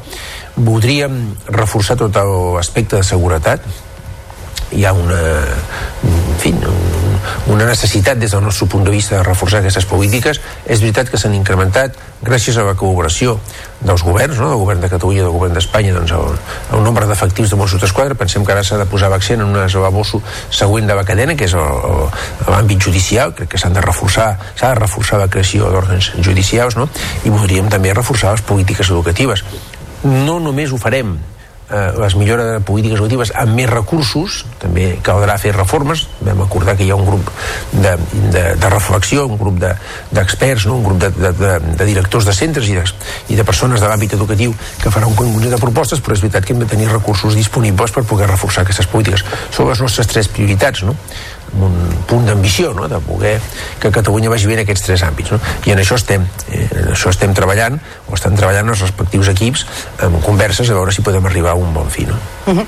Quan parlem de pressupostos de diferents administracions sempre eh, volen separar-los i destacar que són carpetes diferenciades però és veritat que de moment els eh, pressupostos de l'Ajuntament de Barcelona han obtingut un sí inicial però condicionat per part dels uh, comuns. Què passarà a partir d'ara? Perquè donen 30 dies per formar un govern d'esquerres. Pues eh, passarà el que decideixin els, els regidors de l'Ajuntament de Barcelona i pel que fa referència al meu grup el que decideixi l'alcalde Collboni o el seu equip de govern no? és veritat que moltes vegades eh, els ciutadans pensen que aquí ja juguem un canvi de cromos jo no he sigut mai partidari d'això penso que cada institució és cada institució i mm, que tots hem de tenir prou maduresa i prou responsabilitat per actuar amb els mateixos criteris a les diferents institucions on estem representats no? Barcelona necessita un pressupost? Jo crec que sí mm? crec que això serà bo per Barcelona i aquí doncs, han d'arribar a un acord al sí del consistori de l'Ajuntament de Barcelona no? i jo tinc tota la confiança en com condueixi aquest procés de discussió, de diàleg i de contrast l'alcalde Collboni no? a Catalunya ha d'haver-hi un pressupost? Jo crec que sí, i crec que ha donat mostres de disponibilitat, no? És massa freqüent que mm, un partit que guanyar les eleccions col·lapsant un govern de coalició es tingui la a els pressupostos l'any passat. Crec que amb aquest sol fet ningú pot posar en dubte la nostra voluntat real de donar un cop de mà a un govern que sí, que ha perdut el pas. Molta gent diu, escolta, però per què si aquest govern no acaba... Bueno, perquè a mi em sembla que és millor a la ciutadania de Catalunya que hi hagi un pressupost que no que no hi hagi i arribarà el moment de passar comptes sobre com ho ha fet aquest govern i de presentar propostes de futur i això doncs, ja, una cosa no ha d'impedir l'altra des del meu punt de vista almenys i també crec que a Madrid és important que hi hagi uns pressupostos perquè, Ara hi anàvem també perquè penso que ajudarà a que les coses vagin millor pel conjunt de ciutadans de Catalunya i d'Espanya no? nosaltres estem en les administracions on formem part estem sempre amb aquesta lògica de política útil no? Mm -hmm. Ajudarà, però, que hi hagi un pressupost tancat a Catalunya perquè es puguin aprovar els generals de l'Estat? Jo crec que, que hi, hi hagi un pressupost a Catalunya ajudarà als catalans i les catalanes, no? I, i serà una mostra de maduresa dels partits polítics, des del meu punt de vista almenys, no vull que ningú se senti, en fi, eh, eh, malament per qual que dic, no? Però que serà una mostra de responsabilitat pels partits que hi donem, que hi donem suport, no? I ajudarà a Espanya, també que hi hagi pressupostos a Espanya, no? Jo desitjaria que hi hagués pressupostos, per ser-hi molt clar, a Catalunya, Barcelona i Espanya, sí, clar que ho desitjaria, crec que seria un correcte, i crec que a més a més a totes les institucions eh, que aquestes tres institucions doncs com que ningú té una majoria prou àmplia s'haurà de fer un esforç de diàleg i d'arribar a acords i nosaltres en això estem no? Al Congrés dels Diputats també aquests dies tothom molt pendent d'aquestes negociacions entre PSOE i Junts eh, per modificar, si és que cal modificar el text de la llei d'amnistia que és el que en sap d'aquestes negociacions i com haurien d'acabar Bueno, jo que penso és que és important no? des del meu punt de vista almenys que s'aprovi aquesta llei no és una llei mm, que ens ajudarà girar full uns anys que ja ho he dit, a mi em sembla que no han sigut bons ho dic des del respecte a totes les posicions polítiques però em sembla que el balanç objectiu és que no han sigut bons per, per Catalunya jo veig un desig de dir, escolta, deixem això fin, passem pàgina d'això, girem full no? la llei és una llei eh, que porta per títol eh, eh, projecte de llei d'amnistia per la normalització política, social i institucional de Catalunya i aquest, el mateix títol de la llei és el millor resum de la llei i requerim de dues coses perquè aquesta llei vagi endavant. Una majoria, el Congrés dels Diputats, de com a mínim 176 diputats, no? i d'una solvència jurídica, perquè aquesta llei ja també hem vist que haurà de passar el filtre del Tribunal Constitucional i del Tribunal de Justícia de la Unió Europea. No podem sacrificar una cosa per obtenir l'altra. Jo crec que el projecte que tenim damunt de la taula era un projecte en aquest sentit equilibrat, que venia una solvència jurídica doncs, molt rellevant, mai pots tenir la garantia absoluta, però era una, un text molt solvent, molt ben argumentat, pels experts, fins i tot per experts en dret constitucional que no, en fi, eren pas partidaris de que prosperés i hi havia un acord perquè tirés endavant no?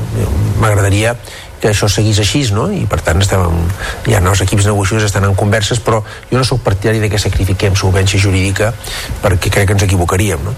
I també penso que a Catalunya almenys i també més del que ens pensem a la resta d'Espanya hi ha una demanda de que això vagi endavant que aquesta llei vagi endavant i penso que també faríem un mal favor, un flac favor a la ciutadania, en aquest cas de Catalunya si no s'estés a l'alçada per part de totes les formacions polítiques en donar suport a un projecte de llei doncs que crec que és molt important per nosaltres perquè ens ajuda a girar full no? Salvador Illa, gràcies per estar avui al Notícies en xarxa. Molt bon dia. Molt bon dia, moltes gràcies, un plaer com sempre. Adéu.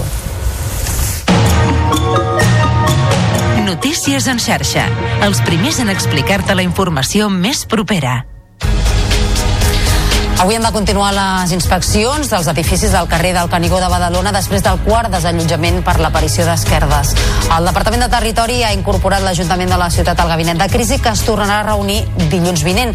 En espera de les conclusions es treballa amb la hipòtesi d'una possible sobrecàrrega en un dels taulats. És una crònica de la Berta Soler des de la televisió de Badalona. Aquestes esquerdes són contigües a les parets mitjaneres.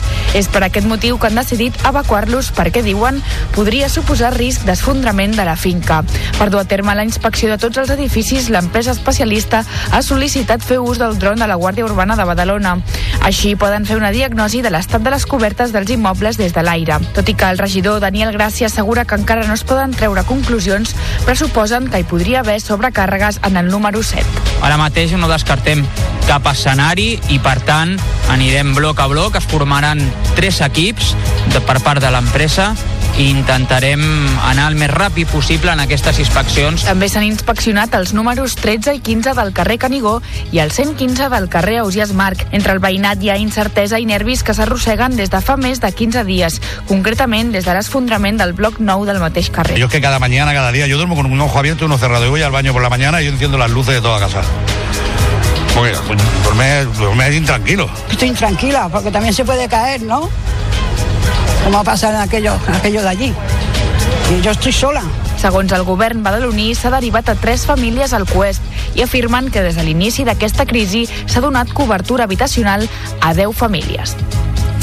A diversos punts de Barcelona els últims dies desenes de persones han fet cua perquè els escanegessin l'iris a canvi de criptomonedes per valor de 70 euros. Els requisits ser majors d'edat i haver demanat cita prèvia en una pràctica que ha aixecat un gran rebombori.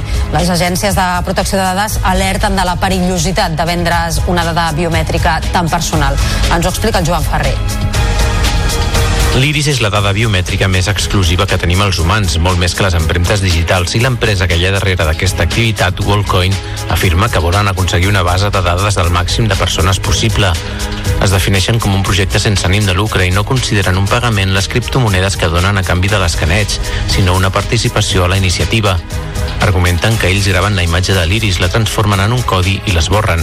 És a dir, la foto de l'iris, a menys que s'indiqui expressament al contrari, s'elimina just després de convertir-se en un codi de zeros i uns. Meritxell Borràs, directora de l'Autoritat Catalana de Protecció de Dades, alerta, però, de la sensibilitat d'aquestes dades. Entregar la teva dada personal i en aquest cas una dada biomètrica que t'identifica només a tu, eh, doncs vol dir que estàs donant un bé molt preuat i que a més a més eh, se't pot suplantar en alguna ocasió pot haver-hi també algun ciberatac a, a través doncs, d'aquest iris i, i per tant tenir alguna conseqüència i és important que abans de fer una sessió d'aquest tipus sapiguem molt clar quin és l'objectiu l'empresa o de l'entitat que ens ho demana perquè, escolta, d'uns a quatre pessetes no se'n donen. Wallcoin afirma, però, que en cap moment es demana informació personal relacionada amb l'iris, és a dir, el codi que es genera és anònim. La seva funció, afirmen, és identificar la persona de manera única i garantir que és un humà i no un robot, per exemple. D'aquesta manera, el codi es converteix en una mena de clau amb l'objectiu d'obrir els panys de tot tipus d'aplicacions, des de xarxes socials fins a aplicacions de compres.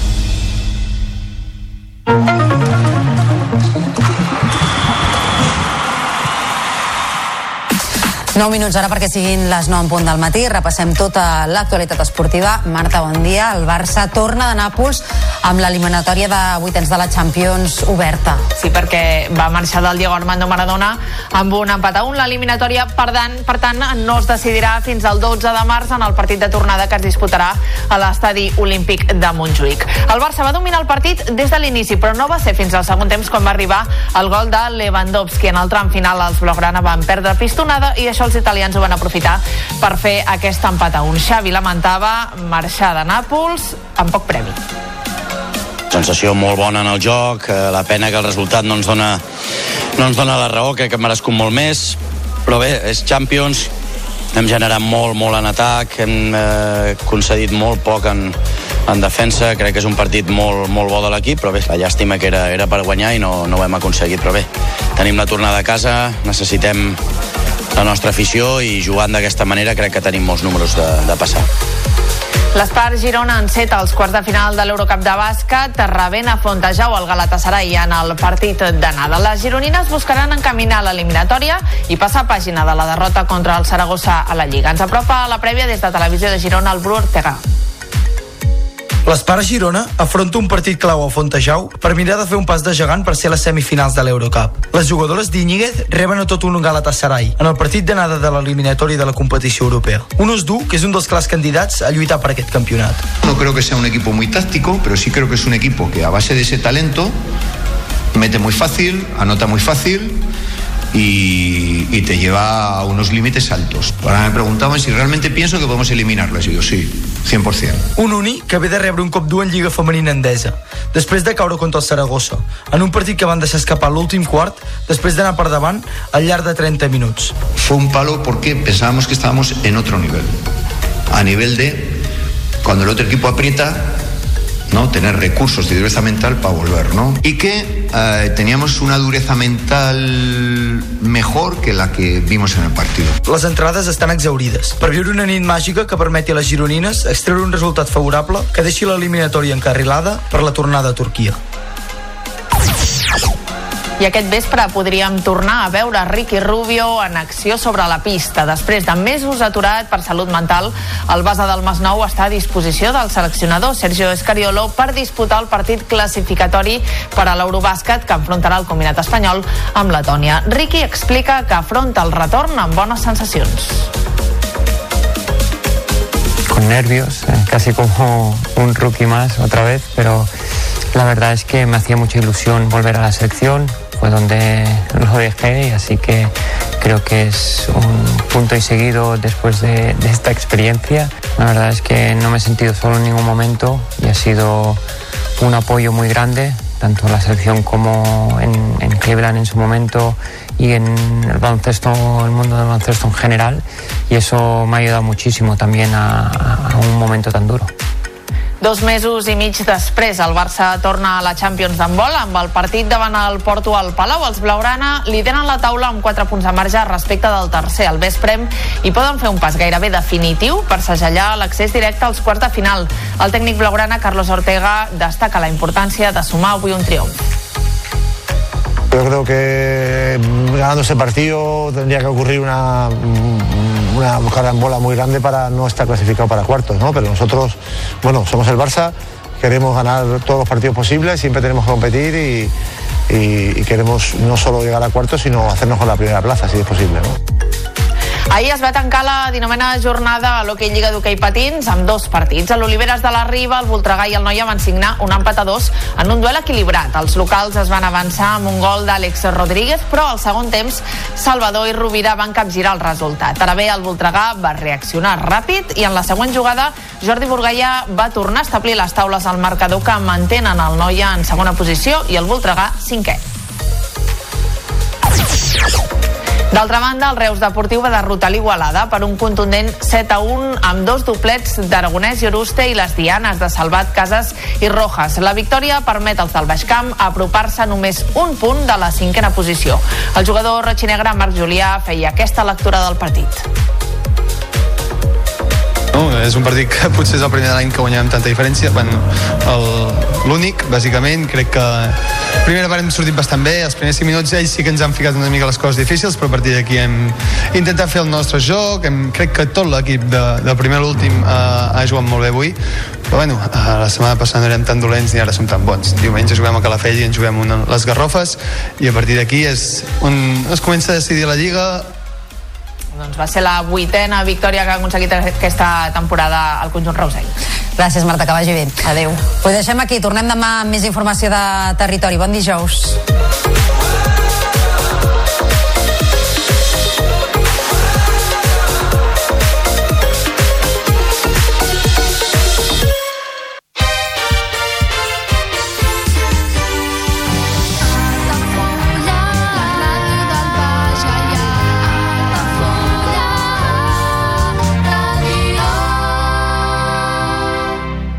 Ja coneixes les propostes que t'ofereix el Club Marítim Altafulla? Vine i descobreix totes les nostres activitats. Sortides en caiac o pa del surf, cursos de vela per a totes les edats. No t'ho perdis. Club Marítim Altafulla. Obert tot l'any i per a tothom. Comunions 2024. Dates ja disponibles amb sales privades, jardí, pàrquing privat i la millor gastronomia. Més informació i reserves al 977 65 11 55 i a comercial arroba altafullamarotel.com o al web altafullamar.hotel.com. Les teves celebracions familiars a l'Altafulla Mar Hotel. D'on ve la sort?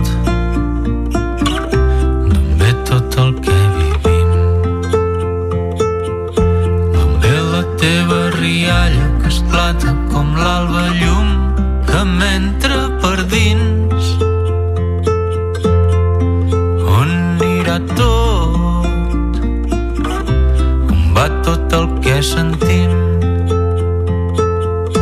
que se'n fa de la tristesa que ens trenques i et veig patir